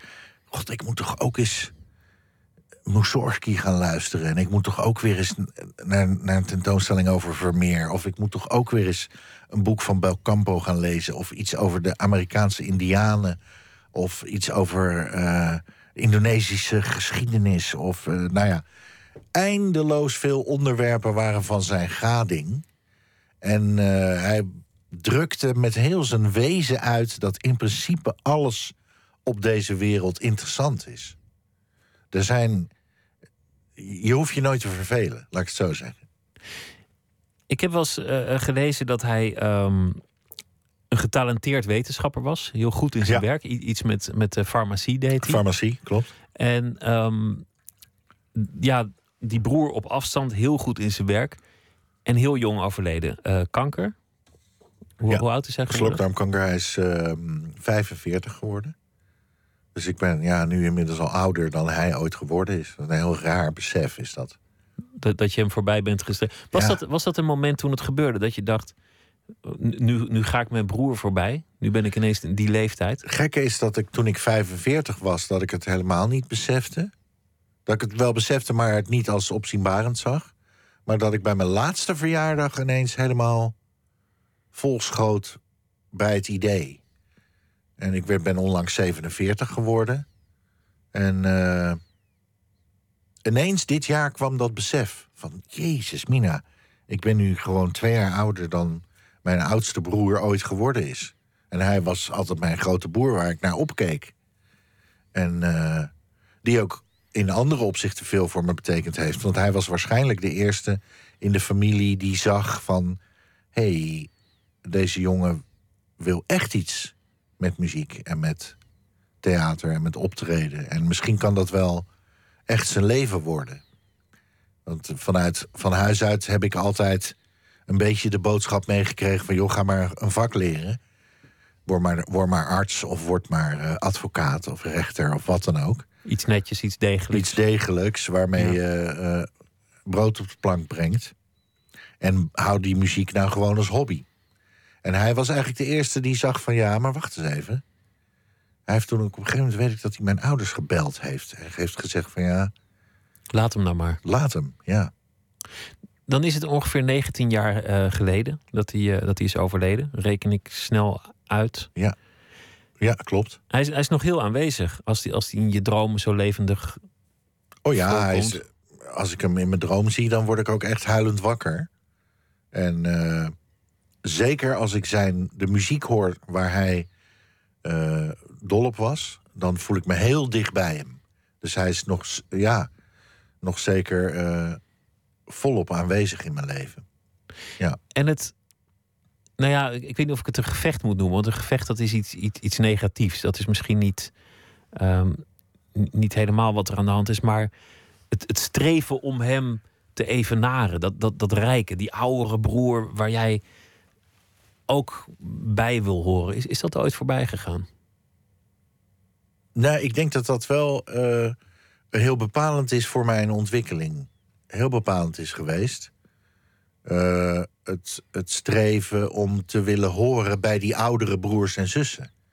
Want je voelt je altijd als klein kind in een omgeving van mensen die bijna volwassen zijn, voel je je een beetje een buitenstaander. Eh, en ik heb daardoor altijd een beetje boven mijn macht moeten grijpen, denk ik. Harder moeten lopen, meer je best moeten doen. En ook ja, iets beter je best moeten doen om mee te komen. om mee te komen. En dat zorgt ervoor dat je een hele eh, gedifferentieerde ontwikkeling doormaakt. Ik ben vrij, ik was een beetje voorlijk met sommige dingen. Maar op het emotionele vlak was ik eigenlijk achterlijk. Waar merkte je dat aan? Dat merkte ik aan eh, de manier waarop ik met vriendjes en vriendinnetjes omging. Dat ik totaal niet kon omgaan met, met teleurstellingen of afwijzing of, of wat dan ook. Ik had totaal geen. eh, ik had veel verstandelijke volwassenheid al vrij vroeg, maar heel weinig emotionele volwassenheid. En dat is eigenlijk pas veel later gekomen. Pas misschien wel na mijn depressie. Daarvoor had je waarschijnlijk ook geen, geen tijd en rust om, om volwassen te worden. Om, omdat je aan het vechten was, aan het overleven. Ja, dat denk ik. Ik, ik werd daardoor vo- volledig in beslag genomen. Je vertelde toen het over slapen ging en je, en je apneu, jarenlang eh, een stokkende adem in je slaap en de hele dag moe nooit gemerkt, dat, Ja. dat de komst van, van de geliefde die ernaast lag en die, die al dat gepruttel aanhoorde, dat dat eigenlijk het keerpunt was. Ja, Dat zij op een gegeven moment zei, gast, dat, dat is niet normaal wat daar gebeurt. ja daar moeten we wat, wat aan doen. Nee, het, was, het liep uit de hand, joh. Ik sloeg om me heen. Ik werd soms met bloedende knokkels wakker. En dan had ik weer tegen de muur geslagen. En eh, toen heeft op een gegeven moment mijn schoonvader heeft zelfs een, een soort eh, muurbedekking van, van kussens gemaakt. Zodat Zodat er, ik, zodat er geen gewonden vielen in ieder ja, geval. zodat ik zonder gevaar tegen de muur kon rammen. Dat was ontzettend aardig, was dat. Werkte heel goed trouwens. Maar eh, ik ben helemaal je vraag kwijt. Nou, eigenlijk was het een opmaat naar een vraag, omdat zij die, die apneu, eh, daar heeft zij dan een bepalende rol in gespeeld. Maar het lijkt me best moeilijk om, om jou aan je zijde te hebben. Is Omdat- het ook? Met die pieken, met die dalen, met die Ja. worsteling, met die, die geldingsdrang en dan weer die onzekerheid. Ja, dat is, eh, dat is ook geen eh, sinecure om eh, aan mijn zij te staan. Je krijgt een hoop lol cadeau. En ik, kan, ik ben wel van nature een warm persoon. Maar ik ben wel heel erg met mezelf bezig. Zoals iedereen die optreedt, eh, ben ik van nature en noodgedwongen veel met mezelf bezig. En dat is, maakt het voor iedere partner heel moeilijk. Je bent met jezelf bezig om, omdat je een, ehm, een podiumartiest bent, dus het gaat ook vaak over jou. Ja. Maar ook omdat, ja, omdat waar we het net over hebben gehad, dat, dat heel veel dingen ook een worsteling zijn. Nou, dat, dat probeerde ik in, in het begin van het gesprek ook te zeggen. Dat ik nu niet meer het gevoel heb dat ik zo vreselijk worstel met mezelf hoor. Het wordt minder. Het, het, eh, Het is misschien wel voorbij. die, die depressieve periode, dat was een één grote worsteling en, en, en wanhopige strijd. Maar daarna, sinds ik die pillen heb ge- ben gaan slikken, heb ik niet meer zo heel erg met mezelf geworsteld eigenlijk. En ben ik een, een stuk gelijkmatiger en nuchterder geworden. Eh, ik was ook buitengewoon zweverig voordat ik depressief werd. En eh, helemaal into zen en, en taoïsme en God, ik heb van alles gedaan. Hypnotherapieën en tai chi en noem het maar op. Ik was behoorlijk zweverig en dat is er eigenlijk helemaal vanaf. Ik ben eh, de laatste 15 jaar eigenlijk heel erg nuchter. Je vertelde, eigenlijk ben ik erachter gekomen, muziek is toch wel gewoon mijn essentie. Ik ben gewoon muzikant met uitstapjes en eh, Ja, nou, heel veel paden die ik heb bewandeld. Dat, dat, dat was toen, dat was nodig, maar daar ben ik uit muzikant. Je zei die geldingsdrang wordt wel minder. Ik bedoel, Ja. ik, ik vind het nog leuk om, om, om iets te doen, maar dat, dat hele streberige, dat, dat heb ik gewoon niet meer zo. nee. Je zei ook, eh, het, het wordt gelijkmatiger. Ik, ik weet dat ik dingen overwonnen heb, dus ik zal ze, zal ze nog een keer overwonnen. Dat maakt me zelfverzekerder en je bent ook stabieler geworden. En dan is, er- is er dat meisje aan je zijde die, Ja. die, die en voor het snurken en voor de depressies en voor alles ook, ook af en toe kan, kan, kan, kan inspringen. Ja, ja ze houdt mij eh, in de gaten. Dan is natuurlijk de, de volgende vraag, omdat we het over dromen hebben, althans dat was, eh, was de gedachte. Ja. Dromen, bij dromen kan je ook denken aan iets, iets wat overdag door je hoofd spookt. Een, een, een visioen, een, een- Ja, oké, een ja. verlangen. Ja, ja. Wat zijn je dromen? Eh, nou, ik heb een paar hele concrete dromen. Ik wil nog wat cd's maken en, en, en boeken schrijven. Ik heb nog wel wat dingen in mijn hoofd zitten. Ehm, ik zou het ontzettend leuk vinden om een keer in de Verenigde Staten op te treden. In New York, in jazzkroegjes, muziek te maken. Dat is natuurlijk ook het, het walhalla van de jazz. Daar ja, gebeurt het. Daar, gebeurt het. dus daar moet je zijn. Ja, ja. Alleen het is ontzettend gedoe om daar te komen met, met visa en permits. En dan moet je een advocaat regelen. Om er ook nou, te mogen spelen. Want, Ja. want als toerist kom je er wel in, maar dan moet je niet op zo'n podium gaan staan. Nee, dan moet je daar niet op gaan staan. Want voor je het weet heb je de, de, de social service aan je, aan, je- aan, je, aan je broek hangen. Eh, dat lijkt me heel leuk. Ik zou nog eens een keer eh, een programma willen maken. Dat heb ik ook bij de NTR wel eens laten vallen. Waarbij ik lange wandeltochten maak. En naar aanleiding van die wandeltochten muziek schrijf. Dus de, de, de, de omgeving en de tocht zelf me laten inspireren door. Daardoor laten inspireren om stukken muziek te maken. Dat Dus- lijkt me heel dus erg een- leuk. Dus het landschap of, of de, de omgeving in culturele zin, die, die roept associaties op met muziek die Ja. er iets mee te maken heeft. Ja, ja, dat lijkt me ontzettend leuk. En ik, zou ook, ik heb ook een droom dat ik nog eens een keer met een, met een camper door Ierland wil shocken. En die, die, die Maar het zijn hele concrete drie dingen Nou eigenlijk. ja, dat is heel cool. En, en verder, want, want de, de- de liefde heb je gevonden. Ja. Eh, verder. Ja, heb ik hele prozaïsche burgertrutte dromen. In de zin van. Ik zou nog wel eens naar Brazilië willen. En ik zou nog wel eens. eh, in een Iers, Iers pubje volksmuziek willen spelen. Eh, ik zou het heel leuk vinden om mijn kinderen helemaal te zien opgroeien. En om overal bij te kunnen zijn. Eh, Ja, gewoon de, de dingen die heel veel mensen eigenlijk. Ik hoef niet in carré te staan, laat ik het zo zeggen. Dat is, dat, dat, dat is er dan misschien toch wel een beetje veranderd. Want het zal toch ooit wel je droom zijn Ja, geweest. en ik ben er een paar keer heb ik er opgetreden. En dat is leuk. En dan, nou ja, dan is het ook klaar wat mij betreft. Misschien is dat ook wel een hele grote kunst in het leven om dingen af te ronden. Nou ja, bedoel, afronden klinkt heel dramatisch, maar dat je, dat je ook zegt: van, Nou ja, dit heb ik gehad, dat was toen, dit is nu, vooruit. ja, ik denk dat dat ook wel erbij hoort met een beetje volwassen worden. Dat je op een gegeven moment bereid bent om dingen af te sluiten. En, en als je jong bent, wil je alles open houden. En, en met name als je mij heet, dan, eh, dan wil je echt alle richtingen open houden waar je maar enigszins iets in zou kunnen betekenen. En eh, ik heb wel voor mezelf bepaalde dingen afgesloten. Die hoef ik niet meer van mezelf. Hoort ook een, een beetje bij ouder worden, denk ik. Ja, Voor een jonge man ligt alles open. En, en naarmate je vordert kun je. het is gewoon, denk ik een heel natuurlijk proces. Ja, dat, wa- wat zich voltrekt. Ja. bij jou iets extremer misschien. Misschien. Ja. Ja, omdat de ambitie zo groot was... eh, is het nu ook wel voor mij ook wel wennen, hoor. Om, eh, om minder te hoeven.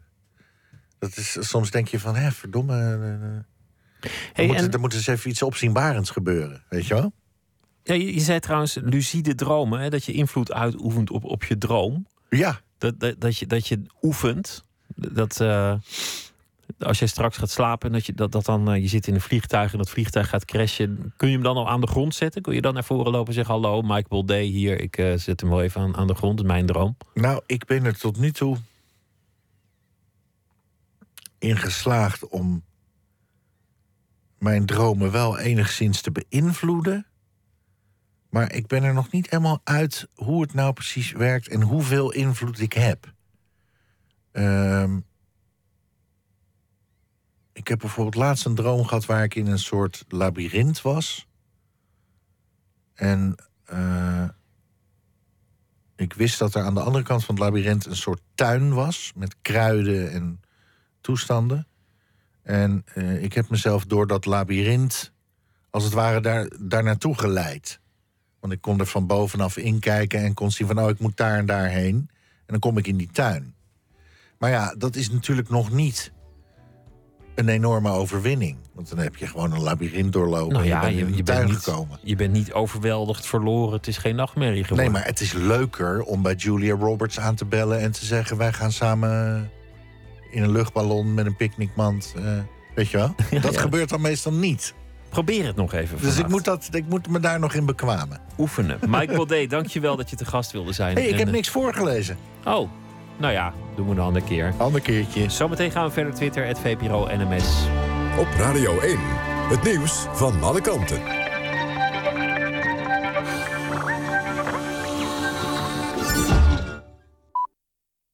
Het is 1 uur, Dielke Teertstra met het NOS-journaal. Minister Dijsselbloem praat de komende dag toch niet met D66, ChristenUnie en SGP over de begroting. De zogenoemde constructieve oppositie heeft de afspraak afgezegd. Volgens D66 hebben de onderhandelingen geen zin meer, omdat de partijen bij elkaar geen meerderheid meer hebben in de Eerste Kamer. De ChristenUnie wil pas praten als het kabinet de gaskraan in Groningen verder dichtdraait. Minister Dijsselbloem is niet ongerust over de afzegging. Wat hem betreft kunnen de begrotingsbesprekingen ook nog in de zomer worden gevoerd. Problemen met de Belgische kerncentrale in Tihange worden voortaan snel en rechtstreeks gemeld aan de Limburgse hulpdiensten. De Belgische autoriteiten hebben dat toegezegd aan Limburgse gemeentes. De kerncentrale ligt niet ver van Maastricht. Tot nu toe kwamen meldingen van problemen met een omweg via Brussel en Den Haag uiteindelijk in Maastricht terecht. Met de nieuwe regeling wordt volgens, burgemeester Hoes veel onrust voorkomen. De kernreactor in Tihange ligt op dit moment deels stil, omdat er scheurtjes in de reactorwanden zitten. In Italië ligt de voorzitter van de Amateurvoetbalbond onder vuur, omdat hij vrouwenvoetbalteams een bende lesbiennes zou hebben genoemd. Dat deed hij een paar maanden geleden op een vergadering over de begroting, zeggen mensen die daarbij waren tegen de krant Gazzetta dello Sport. De voorzitter probeerde de vergadering te beëindigen met de woorden: Genoeg nu, we kunnen niet blijven praten over geld voor een bende lesbiennes. De voorzitter zelf ontkent nu dat hij de uitspraak heeft gedaan. Twee vrouwenvoetbalteams die dit weekend de bekerfinale zouden spelen, weigeren vooralsnog het veld op te gaan. Dan nog het weer. Vannacht klaart het op. Alleen in de noorden mogelijk nog een bui. De komende dag in het westen volop zon. Verder landinwaarts weer stapelwolken. In het oosten misschien nog wat regen. Het wordt 15 tot 18 graden. Dit was het NOS Journaal. NPO Radio 1. VPRO. Nooit meer slapen.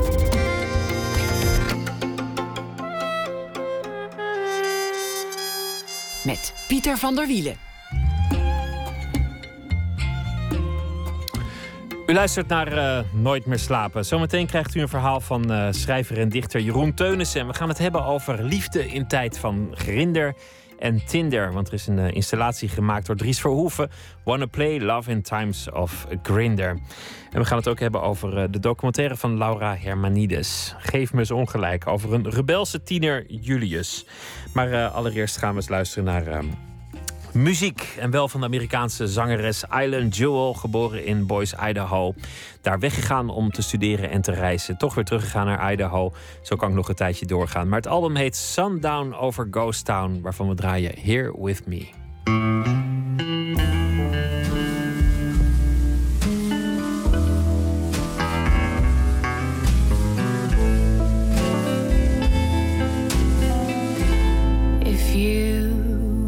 Here with me,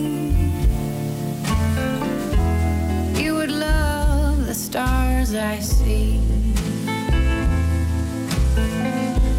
Ancient city in the sky. You would love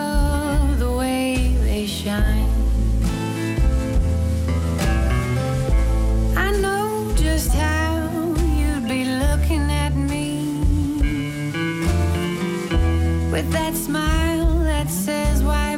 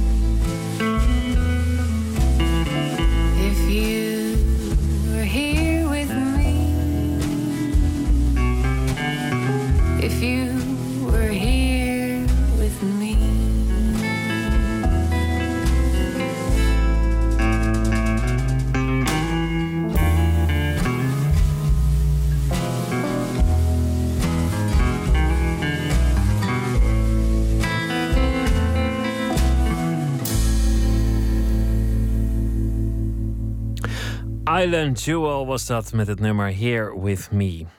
Jeroen Teunissen is eh, Vlaming, dichter en schrijver. Hij heeft eh, meerdere romans gepubliceerd. En eh, deze week schrijft hij elke dag een verhaal over de dag die vervlogen is.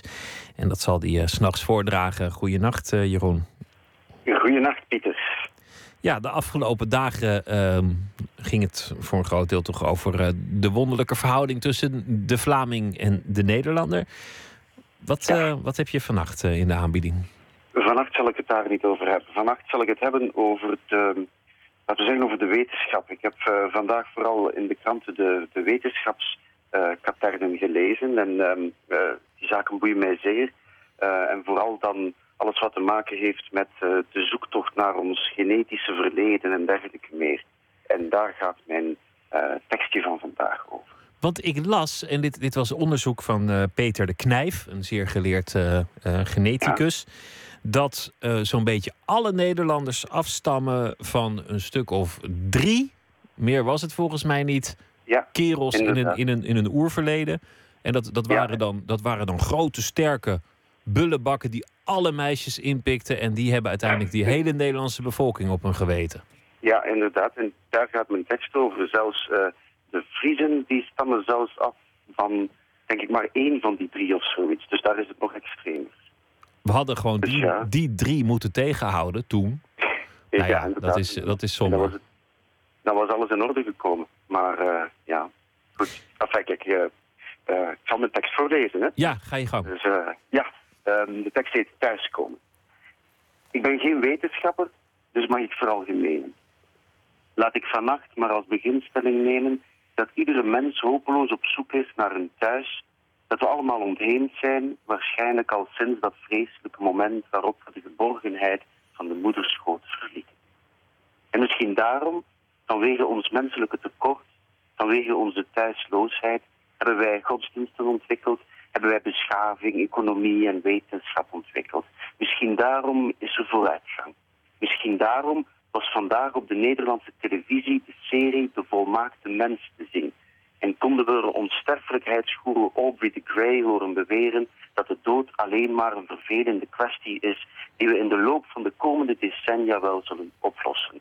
Nadien zullen we volmaakt zijn, nadien zullen we thuiskomen. En misschien daarom ook, nog los van het feit dat volmaaktheid saai en totalitair is, zijn we niet alleen krampachtig op zoek naar toekomst, maar ook naar ons verleden. Naar wie onze voorouders waren, hoe en wanneer wij geworden zijn wie we zijn. Wilt u het werkelijk weten? 65 miljoen jaar geleden, toen het rijk van de dinosauriërs brusk eindigde, waren onze bedovergrootouders spitsmuisachtigen die er als een van de weinige diersoorten in slaagden de nucleaire winter na de vreselijke komeetinslag te overleven. 375 miljoen jaar geleden waren onze bed-bed-overgrootouders vissen met een platte kop die het water verlieten en poten ontwikkelden. 2 miljard jaar geleden waren onze bed-bed-bed-overgrootouders eencelligen. 14 miljard jaar geleden waren we minieme kwantumfluctuaties in een heelal van nog geen seconde oud. Maar misschien moeten we zo ver niet teruggaan. Vandaag las ik dat ruim de helft van de Europese mannen afstamt van niet meer dan drie oervaders, die zo'n 2200 tot 2500 jaar voor Christus leefden. In een vlaag van geniale inspiratie gaven de onderzoekers deze drie oer-Europeanen de poëtische namen I1, R1A en R1B. Voilà, denk je dan. zijn thuisgekomen. In dit geval alvast de mannen. Maar het grappige aan dergelijke onderzoeken, of in ieder geval aan hoe ze in de pers worden voorgesteld, is dat het gevoel van thuiskomen helemaal niet klopt. Er is geen oorsprong bewezen. Er is enkel bewezen dat meer dan de helft van de Europese mannen een minieme fractie DNA van dezelfde persoon gekregen heeft. Dat is best belangrijk, maar het zegt bitter weinig over wie we zijn. Ga twintig generaties terug en ieder van ons heeft meer dan 1 miljoen rechtstreekse voorouders. 4000 jaar terug, dat zijn 200 generaties, kun je uitrekenen. Voor dergelijke genetische stambomen bestaat bovendien een macht, vooral in de Verenigde Staten.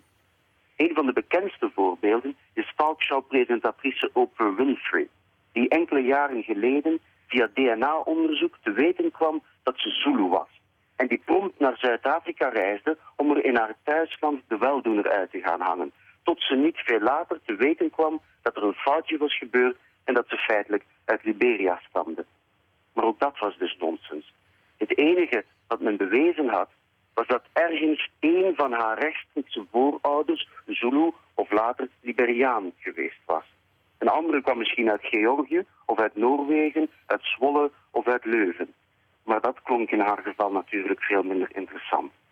Het besluit is duidelijk. De gezochte thuiskomst bestaat niet in onze realiteit. Het zal altijd imaginair zijn. Zal altijd een constructie zijn, altijd een wensdroom. Wij mensen, levensbarende politieke dieren op de derde steen van een kleine zon in een buitenwijk van het melkwegstelsel, zullen een leven lang moeten blijven dolen in het nu. En eigenlijk is dat uitstekend zo. Ja, mooi gesproken. Dank je, Dank je. dank je wel daarvoor, eh, Jeroen Teunissen. En ja, uiteindelijk, uiteindelijk stamt de mens uit Afrika. Dus als, als dat de reden is om aan liefdadigheid te doen, dan, dan kan iedereen zijn donatie doen. Want daar is volgens mij nog steeds ooit de mensheid eh, begonnen. Daar is alles begonnen, ja, dat is bewezen. Dat is bewezen. Dat is, dat is de, ehm, de out of Africa ehm, theorie. Dat de mens dus inderdaad ehm, eh, en in, alleen in Afrika, dat uiteraard is de mens in Afrika ontstaan. En er zijn verschillende theorieën, ik weet er het fijne niet van, maar er zijn verschillende varianten. En ehm, uiteindelijk is denk ik de overheersende variant vandaag een soort van out of Africa again and again and again. Dus dat er verschillende migraties geweest zijn uit Afrika. Eh, verschillende keren en dat dan die verschillende eh, groepen zich dan eh, gemengd hebben. Eh, dus ja, dat er dan variaties ontstaan enzovoort. Maar uiteindelijk stammen we allemaal uit eh, ja, ergens een plekje rond Ja. de huidige Sahara. Daar. En dan in Nederland van, eh, van drie mensen. Dus pas op als je je voortplant, want je weet nooit of je een hele bevolking in gang zet eh, met, een, met vele je moet jaren. heel, Ja, je moet er heel voorzichtig mee zijn, vind ik wel. Ja. Jeroen Teunissen, dankjewel en een hele goede nacht. Dankjewel, ja, tot morgen. Nooit meer slapen. Liefde in tijden van eh, Grinder en Tinder met eh, dating-apps is het wel makkelijk om jezelf te presenteren als een eh, leuk mens of een, of een mooie vrouw of een mooie man. Maar we hebben als mens toch nog altijd behoeftes en dat is nooit anders geweest. Hoe gaan we om met onze behoeftes in tijden van Tinder en Grinder en hoe gaat het dan met intimiteit en liefde? Allemaal vragen die kunstenaar Dries Verhoeven zich de komende tien dagen zal stellen op de Neude in Utrecht. Hij sluit zichzelf al daar op in een glazen huis. Botte Jellema, onze verslaggever, was alvast aanwezig bij het opbouwen. De Neude. De Neude, daar staan we. Het plein eh, in, eh, in Utrecht. Hier heeft volgens mij ook al eens een keer het glazen huis van 3FM gestaan. En nu heb je hier, jij hier een trailer neergezet. Ja, een grote vrachtauto die aan één kant glas heeft. Nu nog niet, maar vanaf morgen is hij, eh, is hij zichtbaar. Dus luiken voor. Ja, en dan eh, ontstaat er een hele grote etalage, zou je kunnen zeggen, waar ik in ga wonen. Eh, tien dagen lang zie je mij daar leven. Eh, slapen, eten, drinken, naar het toilet, eh, douchen. Alles wat een mens eh, normaal thuis doet, doe ik hier. En iedereen kan daar tien dagen lang in meekijken. Zowel mijn dagelijkse leven als wat er op mijn telefoonscherm gebeurt. Ja, precies. Nou ja, er staan hier terrasjes en alles. Het wordt ook nog een paar dagen mooi weer, geloof ik. Dus je, je Ja, zal wel wat bekijks hebben. Ja, ja dat, dat hoop ik. Ja. Nou, heb je dit in Berlijn ook gedaan? Mhm.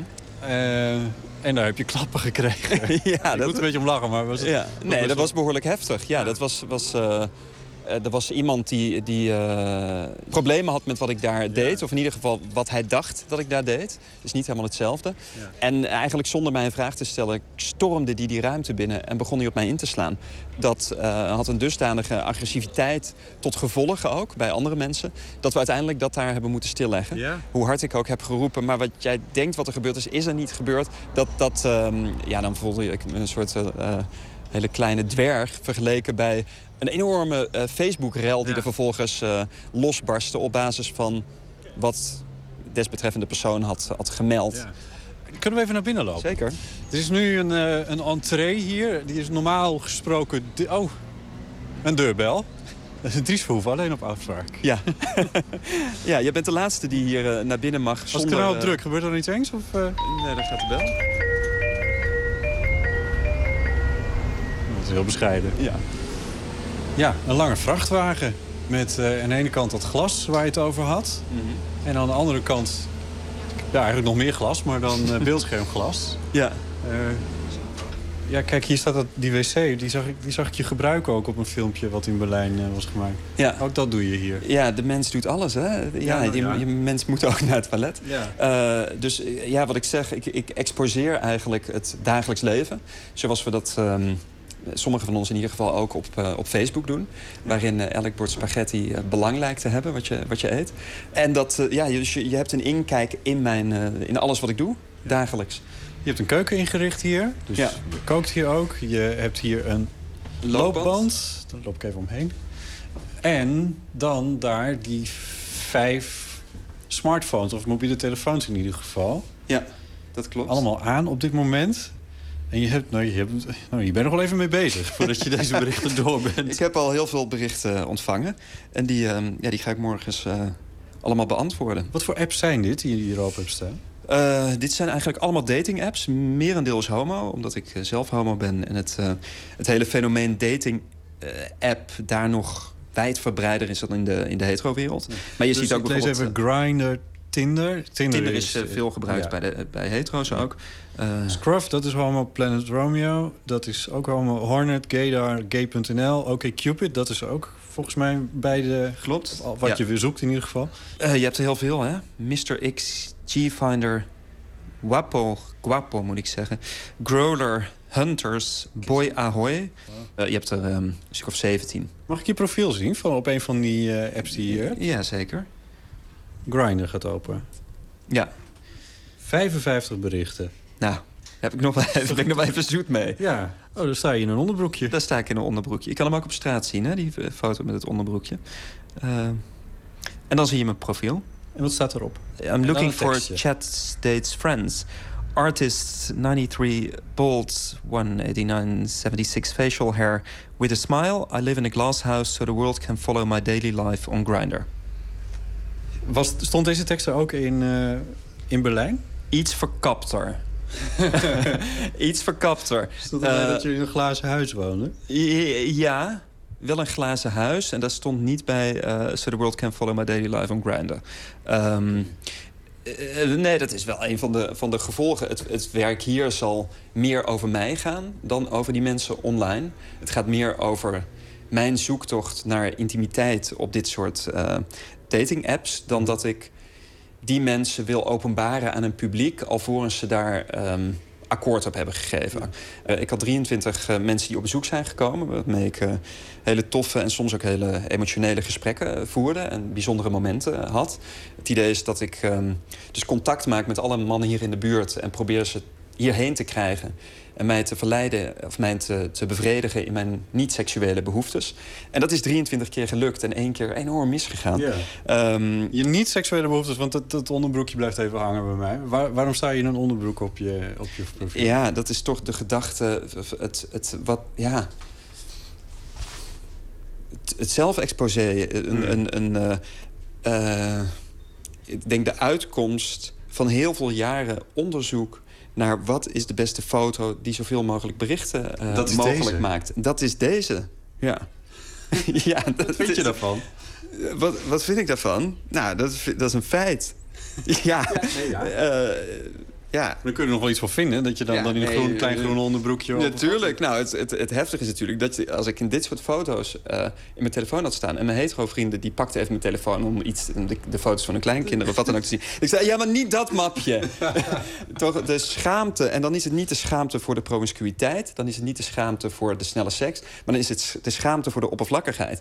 Dat ik, hoe, hoe kunstenaar ik ook ben... het moment dat ik de, de dating-app betreed... dat ik me voordoe als ja, een soort oppervlakkig eh, seksmonster. Of ik weet niet wat je erop zou kunnen projecteren. Maar dat je je voegt naar de codes van het medium. En die zijn toch zo, hoe, hoe dichter bij je het, eh, het porno-ideaal komt... eh, de sexy eh, versie van ja, een soort mix tussen Brad Pitt en een pornoster... en iemand die helemaal niet zit te wachten op een relatie, no strings attached... ehm, des te beter, des, des te meer berichtjes je krijgt. Zou je een paar berichtjes kunnen voorlezen? Of Oh, breekt het dan erg in je systeem in? Nou, niet in mijn systeem, in het systeem van die mannen. Want dan gaan we precies hetzelfde doen als in Berlijn. Dan ga ik in de ether gooien wat iemand heeft vermeld... zonder hem daarvan op de hoogte te brengen. Ja. Ja. Ja. Ik ga eens even kijken of dat ik iets kan voorlezen... waaruit je werkelijk niks kan opmaken. Hey, hey. Ehm, haha, die foto is ook zo goed. Werkt als stroop op een zwerm vliegen, vermoed ik zo. Hmm, allemaal lekker en wanneer? Hi, cute pic. Just passed through on the train to Maastricht, I'm afraid. Doesn't matter, you have a good body. En als dit hele systeem werkt, dan wat jij dus nu op je telefoon doet... dat verschijnt hier dan dus ook achter op Nou, je kan ook daar... Je ziet hem Oh ja, daar. hij werkt al, ja. En je ziet het eh geblurred. Wat je wel ziet is op het moment dat ik schrijf. Dus je ziet hoe ik me beweeg in deze... Ja, in de wereld van de dating-apps. Ja. Eh, zonder dat je de antwoorden van de desbetreffende persoon ziet. Oh. Tot het moment dat hij of zij weet ehm, wat ik aan het doen ben. En oké zegt. En oké zegt. Dan druk je hier op een knopje. zijn we samen. Ja. Ja. Wat ik onderzoek is wat is de potentie van intimiteit... in een wereld waarin de dating-app opkomende is... en daarin is de, de homo-wereld loopt nog vooruit op de hetero-wereld... op het moment dat de telefoon, de smartphone... De meest vanzelfsprekend, eh, het meest vanzelfsprekende medium is wat we gebruiken... om elkaar te ontmoeten. Hoe gaan we dan om met al die behoeftes die we ook hebben... die helemaal niet te maken hebben met ehm, zelfbevestiging... en met eh, eh, kortstondig snel rendement... eh, maar waar je langer in moet investeren. Ja. En ik denk dat het tof is dat we in ons leven alle twee kunnen hebben. Ja. Maar ik had er een aantal jaar ook... eh, ik stelde me die vraag ook wel van...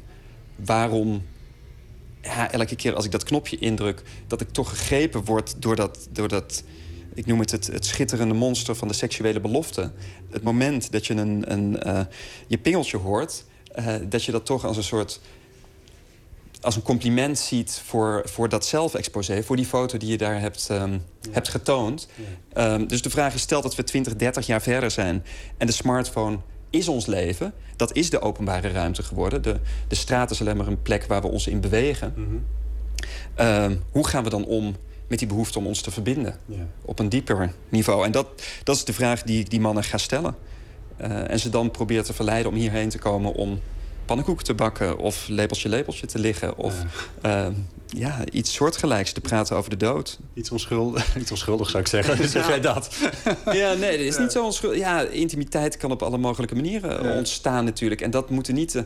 ja, ik zou het doodzonde vinden als dat dan de nieuwe taboes worden. Grindr moet je, moet je eerst drie keer neuken... voordat je iemand meevraagt naar de bioscoop. Ehm, hoe ver gaat het, weet je? Dat iemand heel hard lachen achter je. ja, ja, heel veel hetero's zijn er jaloers op. Die zeggen, waarom moet ik nou in godsnaam drie keer naar de bioscoop... voordat ik met die vrouw naar bed mag? Ehm, ja, het is een, eh, ik vind er niet zoveel van. Ik vind het niet goed of slecht. Ik heb er veel van genoten.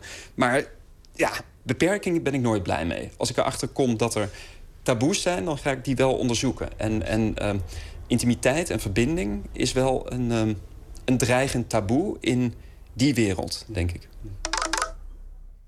Dries Verhoeven, kunstenaar, opgesloten in een glazen huis over eh Grinder. Niet, niet Grinder zoals ik net zei, maar Grinder. En eh, Tinder, dat is dan wel weer Tinder. Botte Jellema ontmoette hem op de Neude in Utrecht. En hij is eh, daar alleen maar te benaderen via dating-apps en smartphones. I Can't Imagine is de titel van een nieuw album van country-zangeres zangeres Shelby Lynn. En daarvan draaien we Son of a Gun.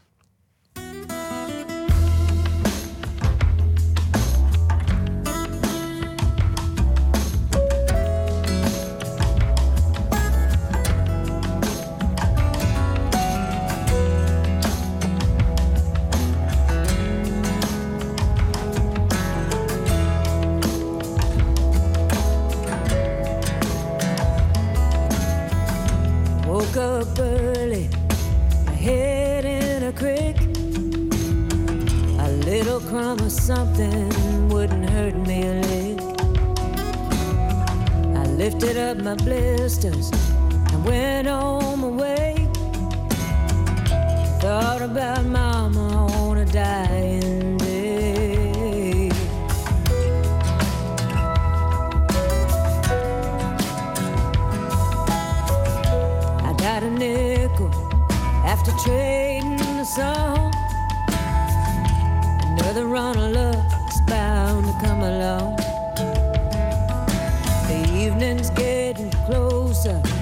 it ain't up yet.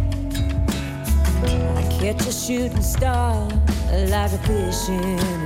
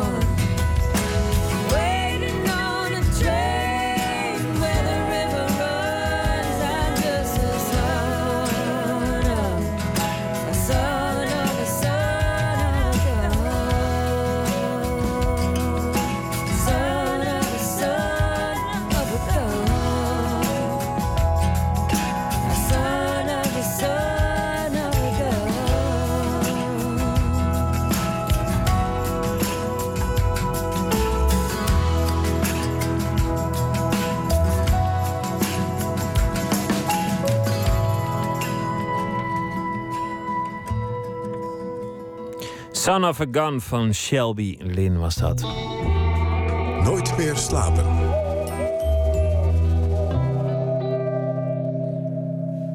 Serial, het is de titel van een eh, misdaadpodcast. Een enorme hit, heel vaak eh, beluisterd. Het gaat over een eh, waar gebeurd verhaal. Een moord van enige tijd geleden, 15 jaar geleden, werd iemand tot levenslang veroordeeld eh, in Maryland in de Verenigde Staten voor moord op een jeugdliefde, maar bleef altijd ontkennen.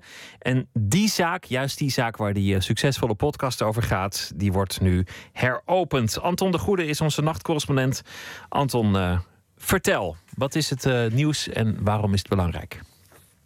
Ja, dat vroeg ik me ook af waarom het belangrijk is. Eh, kleine correctie, je zegt dat die geopend wordt, die zaak.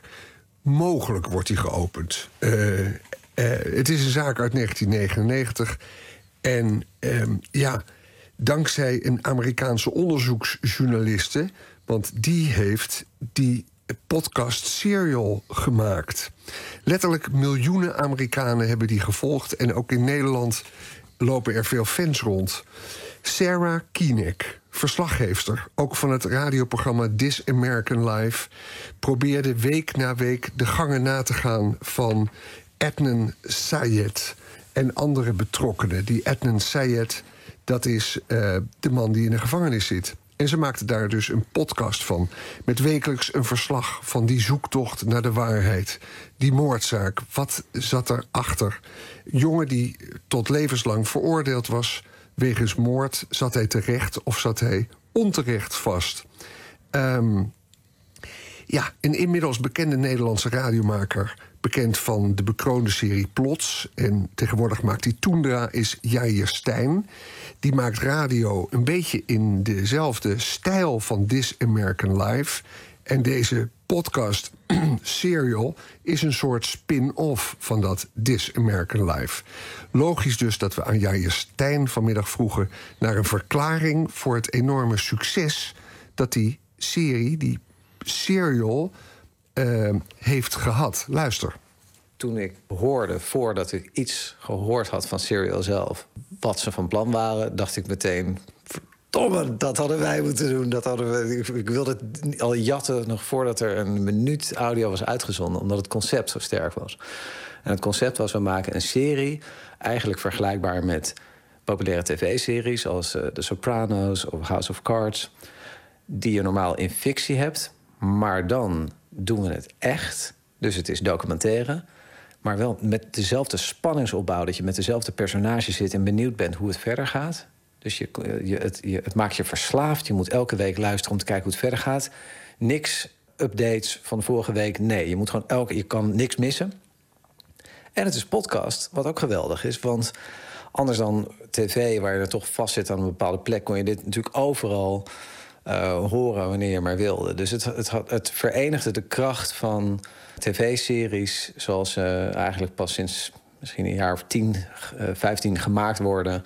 met uh, het beste van wat, wat audio te bieden heeft...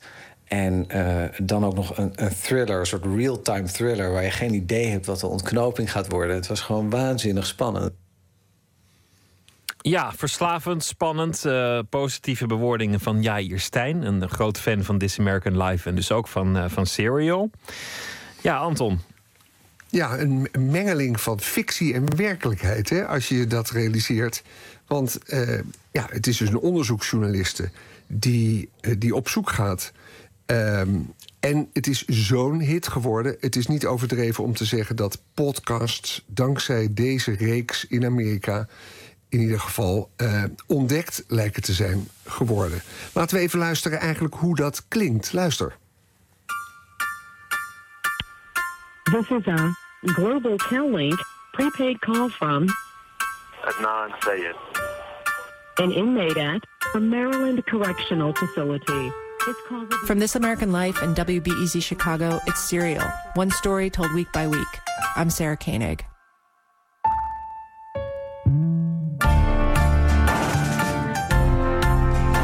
For the last year, I've spent every working day trying to figure out where a high school kid was for an hour after school one day in 1999. Or if you want to get technical about it, and apparently I do, where a high school kid was for 21 minutes after school one day in 1999. This search sometimes feels undignified on my part. I've had to ask about teenagers' sex lives, where, how often, with whom, about notes they passed in class, about their drug habits, their relationships with their parents. And I am not a detective or a private investigator. I'm not even a crime reporter. But yes, every day this year, I've tried to figure out the alibi of a 17 year old boy. Ja, een journalist uh, obsessief door een, uh, een verhaal, een, een, moordzaak. Iemand is veroordeeld, maar kennelijk uh, wringt er toch nog iets. We hoorden Sarah Koenig als, als laatste. Anton, ze is bijna ja. hier zelf personage, zo klinkt het. Nou, ja, en dat is ook eigenlijk typisch de stijl van This American Life ook. Uh, zij die obsessief bezig is met die 21 minuten. Wat is er ooit tijdens die 21 minuten gebeurd waarop die moord zou hebben plaatsgevonden? En zij is daar zo obsessief mee bezig. Zij is eigenlijk zelf een personage geworden. Um, en je hoort ook in dit fragment, ze heeft iets zakelijks aan de ene kant. We gaan het uitzoeken. En tegelijkertijd belooft ze ook een wereld vol sappige details, vol seks. Het gaat over druggebruik en zo. Ze weet dus op een fantastische manier die spanning in het spel te brengen. Nu de vraag aan Jair Stijn, die uiteraard de hele serie gevolgd heeft. Het heeft één seizoen gelopen. Elke week was er een nieuwe aflevering. Nu het eerste seizoen is afgelopen, is eigenlijk Jair Stijn onder de indruk van het mogelijk heropenen van de rechtszaak. Want daar hadden we het over.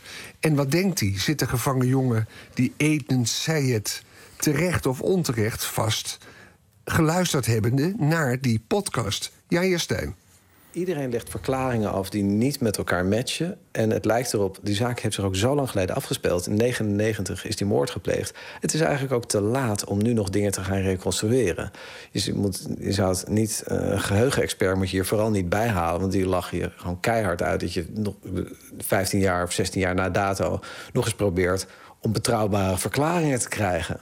Dus het is ook eigenlijk gewoon niet te doen wat ze, wat ze van plan is. En of je het gedaan heeft, we weten het niet. Het enige waar ik, maar dat is mijn persoonlijk gevoel, mee achterbleef... dat ik dacht, er was wel niet zo verschrikkelijk veel bewijs... hard bewijs, keihard bewijs... op basis waarvan die vast is te zitten... behalve die ene uh, getuigenverklaring van een jongen die zelf duidelijk ook een mistige rol speelde en zichzelf heel vaak tegensprak. Dus je zou kunnen zeggen in het Amerikaanse stelsel uh, reasonable doubt, hè, gereden twijfel, lijkt me voldoende om de zaak te heropenen. Maar een van de echt vreemde dingen, misschien ook wel uniek in zo'n soort verhaal waar je een rechtszaak lang volgt, is dat die journalisten niet met ontlastend bewijs is gekomen. Ze hebben dus niet gedacht van nou, er zit iemand vast. We hebben zoveel nu op een rijtje. Wij kunnen laten zien dat hij onterecht vastzit. Dat hoop je toch meestal als journalist. Dat je denkt, dat kan ik dan nu gaan aantonen. En aan het einde van het verhaal weet je het gewoon niet. Ja, al dus uh, Jair R. Stijn, die, uh, die zich hier even in in de sporen van de misdaadjournalistiek uh, begeeft. Hij zegt eigenlijk prachtige radio, maar ja, het laat het gewoon in het midden. Ik ben niet helemaal overtuigd dat het anders zit. Nee, precies. En hij denkt rechtstechnisch gesproken dat de kans niet groot is dat je op basis van deze podcast veel verder zal komen. Te lang nou ja, geleden. hoewel als het een hit is, als miljoenen mensen het horen, dat, dat legt gewicht in de schaal. Tussen die miljoenen mensen zitten ook mensen die uh, invloed hebben op het systeem. Uh, de procureur-generaal, of weet jij veel wie. Ja, nou, en als dat niet zo is, dan is de verdienst in ieder geval geweest dat er een massa mensen gewezen is op een nieuwe manier van naar de radio luisteren. En wel via podcasts. En dat is op zich al een, uh, een verdienste. In oktober begint trouwens seizoen 2 van Serial. En alle fans dachten in eerste instantie: nu gaan we het meemaken. Wie weet volgt nu de ontknoping. Maar dat valt tegen, want die Sarah Kienek, diezelfde onderzoeksjournalist gaat een nieuwe zaak volgen. En gaat zich dus niet meer over deze buigen. Dankjewel, Anton de Goede. Graag gedaan, Pieter. Komend weekend in Nijmegen het festival Music Meeting. Let als u daar naartoe gaat vooral op deze zangeres Noora Mint Saimali.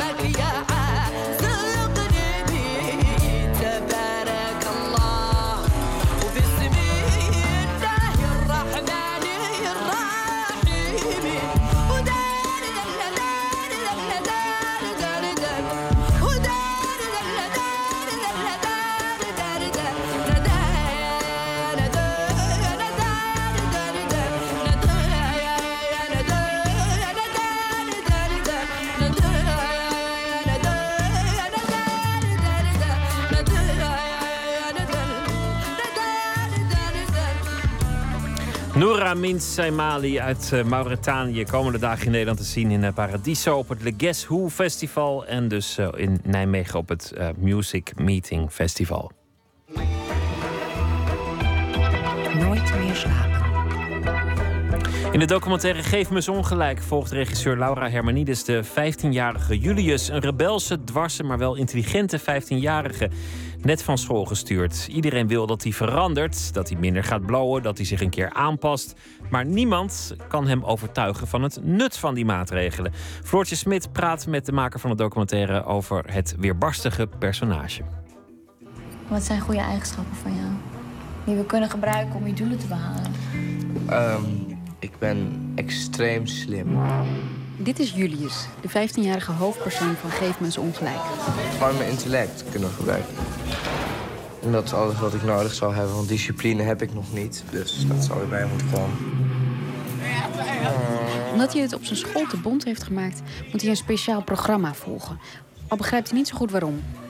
Julius, 5713020, represent Hawa. Documentairemaakster Laura Hermanides die volgt hem daarbij. Gedisciplineerd werken. Ja, zelf gewoon gedisciplineerd kunnen werken.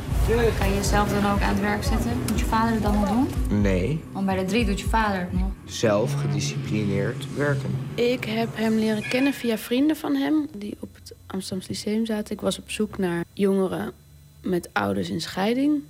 En ik sprak af en toe met jongeren op schoolpleinen. En toen uh, vertelde ik een aantal jongens, stoere jongens, die vertelde ik waar ik mee bezig was. En toen zeiden ze: Oh, dan weten we, als je een film gaat maken, dan weten we wel iemand die een film waard is. Toen um, ben ik eigenlijk, heb ik een keer met Julius gebeld en een keer met hem afgesproken. En toen dacht ik, nou, daar hadden ze wel gelijk in. Kamelen die komen vooral in steppen en woestijnen voor. De exemplaren in de Sahara en de Arabische woestijn zijn natuurlijk geïmporteerd door de Arabieren... die ze gebruikten voor hun geweldige uithoudingsvermogen... en hun mogelijkheid om water in bulten op te slaan. Arabieren zijn vreemde mensen. Maar ja, ze hebben wel coole baarden op zich en tenten. Het ene moment pakt Julius de kijker volledig in. Christenen zijn wel echt bitches. En het volgende kun je hem wel prak. Het eeuwenoude stereotype van natuurlijk de priester of de pedofiel, een van de twee. Het is ongeveer hetzelfde tegenwoordig. Net zoals socialisten. Dat zijn ook hypocrieten. Veel te slim, veel te bij de hand voor zijn eigen bestwil. Dat zijn de ergste. Zeg maar in het linkse spectrum zijn zij de ergste. Wat deed hij of wat zei hij, waardoor jij dacht, dit is hem? Nou, hij was natuurlijk slim, grote algemene kennis. Iedereen aan het testen, sociaal heel intelligent uh, overtuigd communist, wat ik ook heel leuk vond. Um, echt, nou, hij is ontzettend belezen en zo. Maar wat er gebeurde is dat we een gesprek hadden. En um, ons eerste gesprek waarin hij zich ook wel kwetsbaar toonde naar mij toe. En dat ik een paar vragen aan hem stelde. Um, waar hij ook wel liet merken dat het ook wel een moeilijke situatie is voor hem. En zonder uh, zielig te willen zijn of zo. Juist heel en ik dacht, die kwetsbaarheid, dat maakt eigenlijk dat hij heel interessant is. Dat, hij, um, dat al dat andere is er ook om dat te, ja, te beschermen of zo. En ik vind kwetsbaar, als iemand zich kwetsbaar kan tonen, een enorme kracht. En, uh, maar ik dacht, het is, moet wel spannend zijn om daarbij te kunnen komen. En dat voel je hoop ik ook in de film. Dat hij allerlei manieren heeft om daar niet, niet makkelijk bij te kunnen komen. Maar ja, ik, ik vond hem juist heel um, heel interessant, ook juist in het, in het kwetsbare gedeelte. Je registreert meningloos. En toch is het voor als kijker is het bijna niet mogelijk om geen mening te vormen. Nou, dat is, ja, dat is denk ik precies wat ik interessant vind aan film. Dat de kijker wordt geconfronteerd met zijn eigen ideeën en uh, oordelen, vooroordelen. Um, uiteindelijk uh, vind ik het zelf het meest interessant om een film te zien die, die me daarin prikkelt. En soms kan dat zijn dat het juist heel erg dat er een mening of een stelling wordt geponeerd waar je je toe moet verhouden als kijker. En uh, daar misschien een andere mening over hebt. Maar in, ja, ik denk dat ik wel uiteindelijk als maker zelf films ga maken die, die, die juist je um, niet zeggen per se wat je moet vinden, maar je wel heel erg prikkelen om eh, ja, de confrontatie aan te gaan met je eigen mening. Wat verwacht school dan precies van mij? Nou, wat denk je zelf? Ik denk dat je het wel weet. Ehm, ja, nou, ik weet het deels. Ze zeggen gewoon gedragsverandering. Super ruim begrip. En ze willen dat ik minder blow. Maar volgens mij hebben ze niet echt het recht zoiets te zeggen. Want hier staat bijvoorbeeld ernstige gedragsproblemen en niet presteren. Wat vind je zelf? Wat, wat zou je zelf anders willen aan je gedrag? Helemaal niks. Dus het is gewoon klaar. Het is gewoon... Nou, ik ben blij met mijn gedrag. Alleen de school wil een verandering zien. Ja. Ik bedoel, ik, ik kan wel zeggen dat ik, het, dat ik snap wat de school bedoelt. En dat ik echt, echt te ver ben gegaan. Maar het, het punt is, dat zie ik gewoon echt helemaal niet. Ik vind het bij hem wel heel interessant om te kijken naar... Ja, dat, dat, is een heel systeem daaromheen... Wat, wat ook maakt dat iemand zo wordt. En dat, dat, dat hoop je natuurlijk ook daarin prikkelend zijn. Dat mensen denken, oké, ik zie iets wat best een, een, een, een persoon die heel heftig is... maar die heeft ook een wereld daaromheen die misschien wel dat mede ook creëert. Ja, want je ziet dat echt alle moderne opvoedtechnieken, alle, het hele moderne schoolsysteem, bij hem werkt dat echt alleen maar averechts. Hè? Hij is verbaal zo sterk. En um, uh, maar dat vind ik, in die zin vind ik hem dus extreem sympathiek. Dat hij, ja, de titel zegt het ook wel, geef hem dan eens ongelijk. In principe, uh, ja, hij lult je er gewoon uit. En de, blijkbaar is dat systeem daar dus ook niet op berekend. Dat iemand heel eerlijk en oprecht vindt dat hij niet hoeft te veranderen. Ja, daarin vind ik zijn strijd tegen dat soort hypocrisie wel heel interessant. En ja, dat, dat een jongen van 15 dat zo kan verwoorden, is natuurlijk wel heel bijzonder om te zien. Ja, want je bent, je bent een jonge maker. Ik zag die jongen, ik dacht, dit is wat een afschuwelijk onderwerp om te nemen als jonge maker. Want hij, hij loopt, oh, hij walst eigenlijk over iedereen heen. Ja, misschien vind ik lastige mensen ook gewoon heel interessant. In die zin stort ik me misschien ook gewoon in dingen. En op een gegeven moment voelt iets goed en dan kies je ervoor om dat aan te gaan. En ja, als je heel erg op de praktische bezwaren van tevoren gaat denken van... nou ja, dat wordt misschien...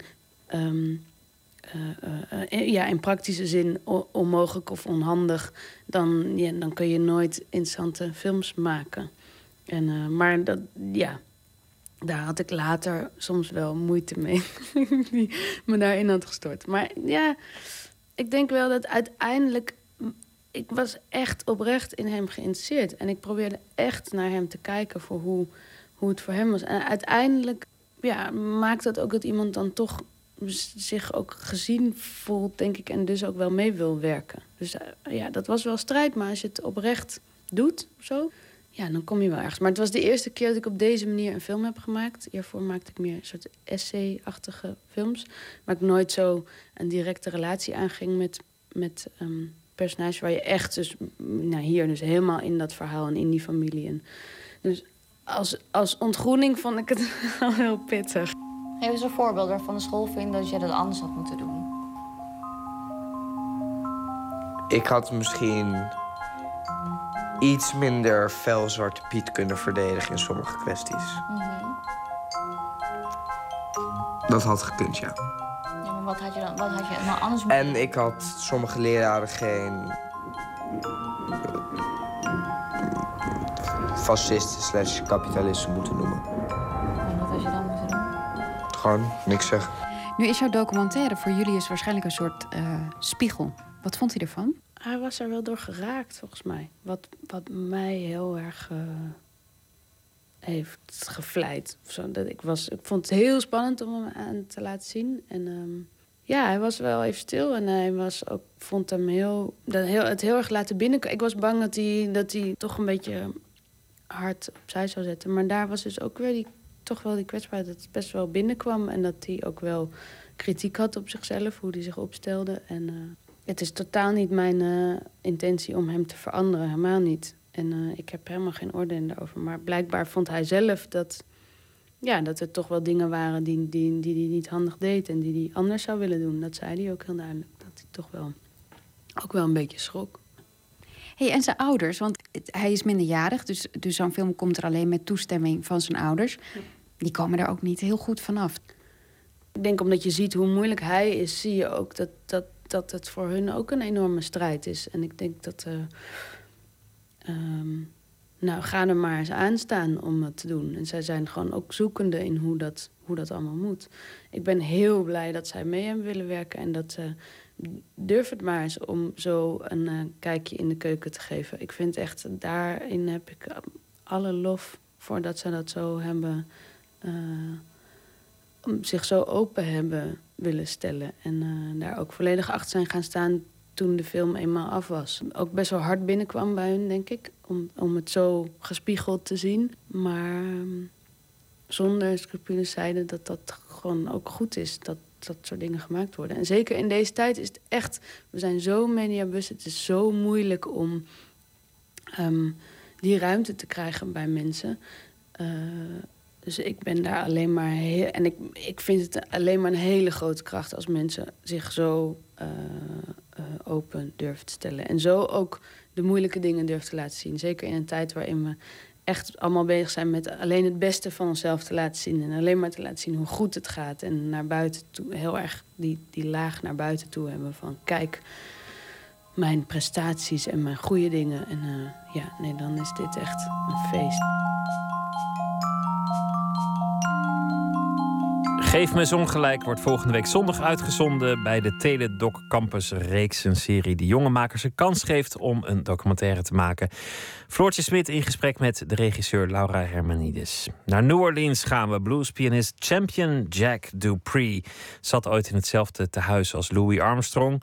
Leerde zichzelf daar eh, ook een instrument spelen en deed dat in barrowhouses en juke joints. 1958 en het nummer heette Bad Blood. You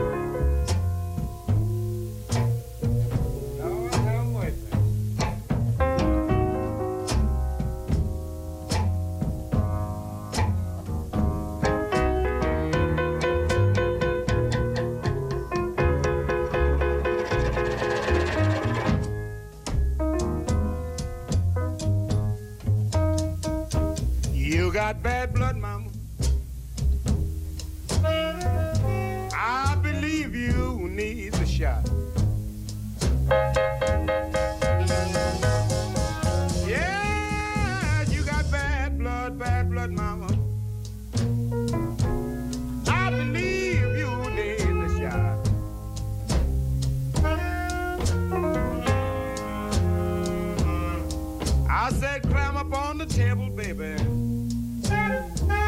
Let the doctor see what else you got.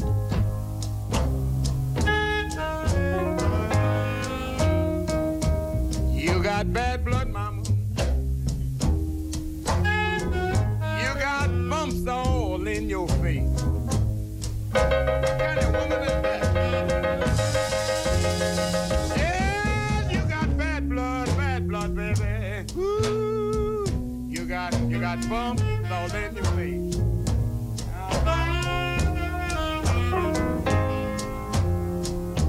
Well, I say one shot from this needle, mama.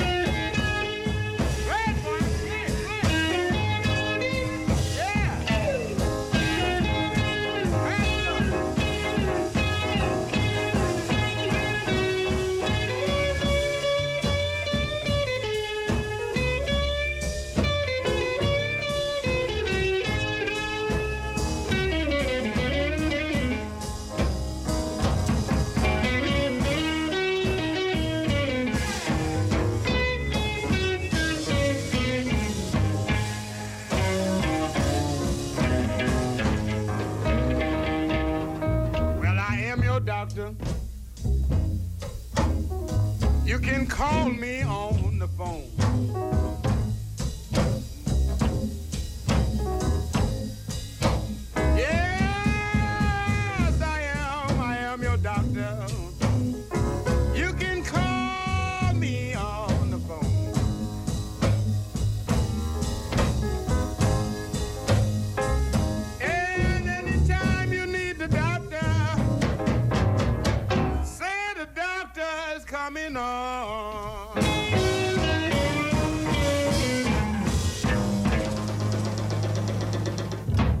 Champion Jack Dupree Blues from the Gutter. Thomas Mulman die is eh, dichter. Deze week zal hij elke dag een eh, gedicht voordragen. Hij heeft eh, zelf meerdere bundels gemaakt. Het gedicht dat hij vandaag gaat voordragen heet Champignons van Jan Wagner.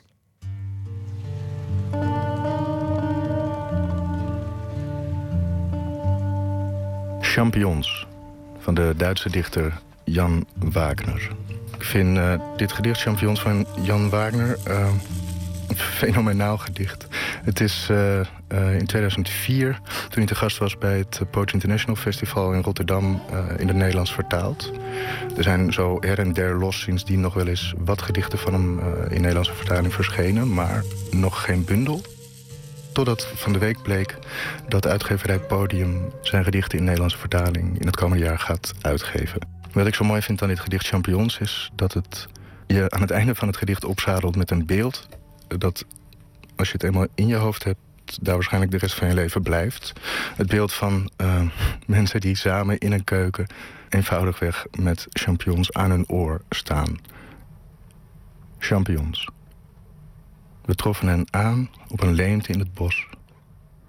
Twee expedities door de schemering die elkaar stom aanschouwden. Tussen ons nerveus het telegraafgezoem van de steekmuggenzwerm. Mijn grootmoeder was beroemd om haar recept van champignon farci. Ze nam het mee in haar graf. Alles wat goed is, zei ze, vullen men met iets meer dan met zichzelf. Later in de keuken hielden wij de paddenstoelen tegen het oor en draaiden aan de steeltjes. Wachtend op het zachte knakken binnenin. Zoekend naar de juiste combinatie. Jan Wagners gedicht Champignons, gelezen door Thomas Mulman. Morgen zal hij weer een eh, gedicht uitkiezen. Morgen in Nooit meer slapen, Douwe Bob over de vloer. eh, singer, songwriter. En eh, hij heeft dan een enorme carrière gemaakt op een relatief jonge leeftijd. Voor nu een hele goede nacht. En zometeen op NPO Radio 1 eh, Kees Dorrestein van de VARA met Top Radio. Morgen een leuke dag wens ik u vast toe. En ik hoop dat u dan weer luistert.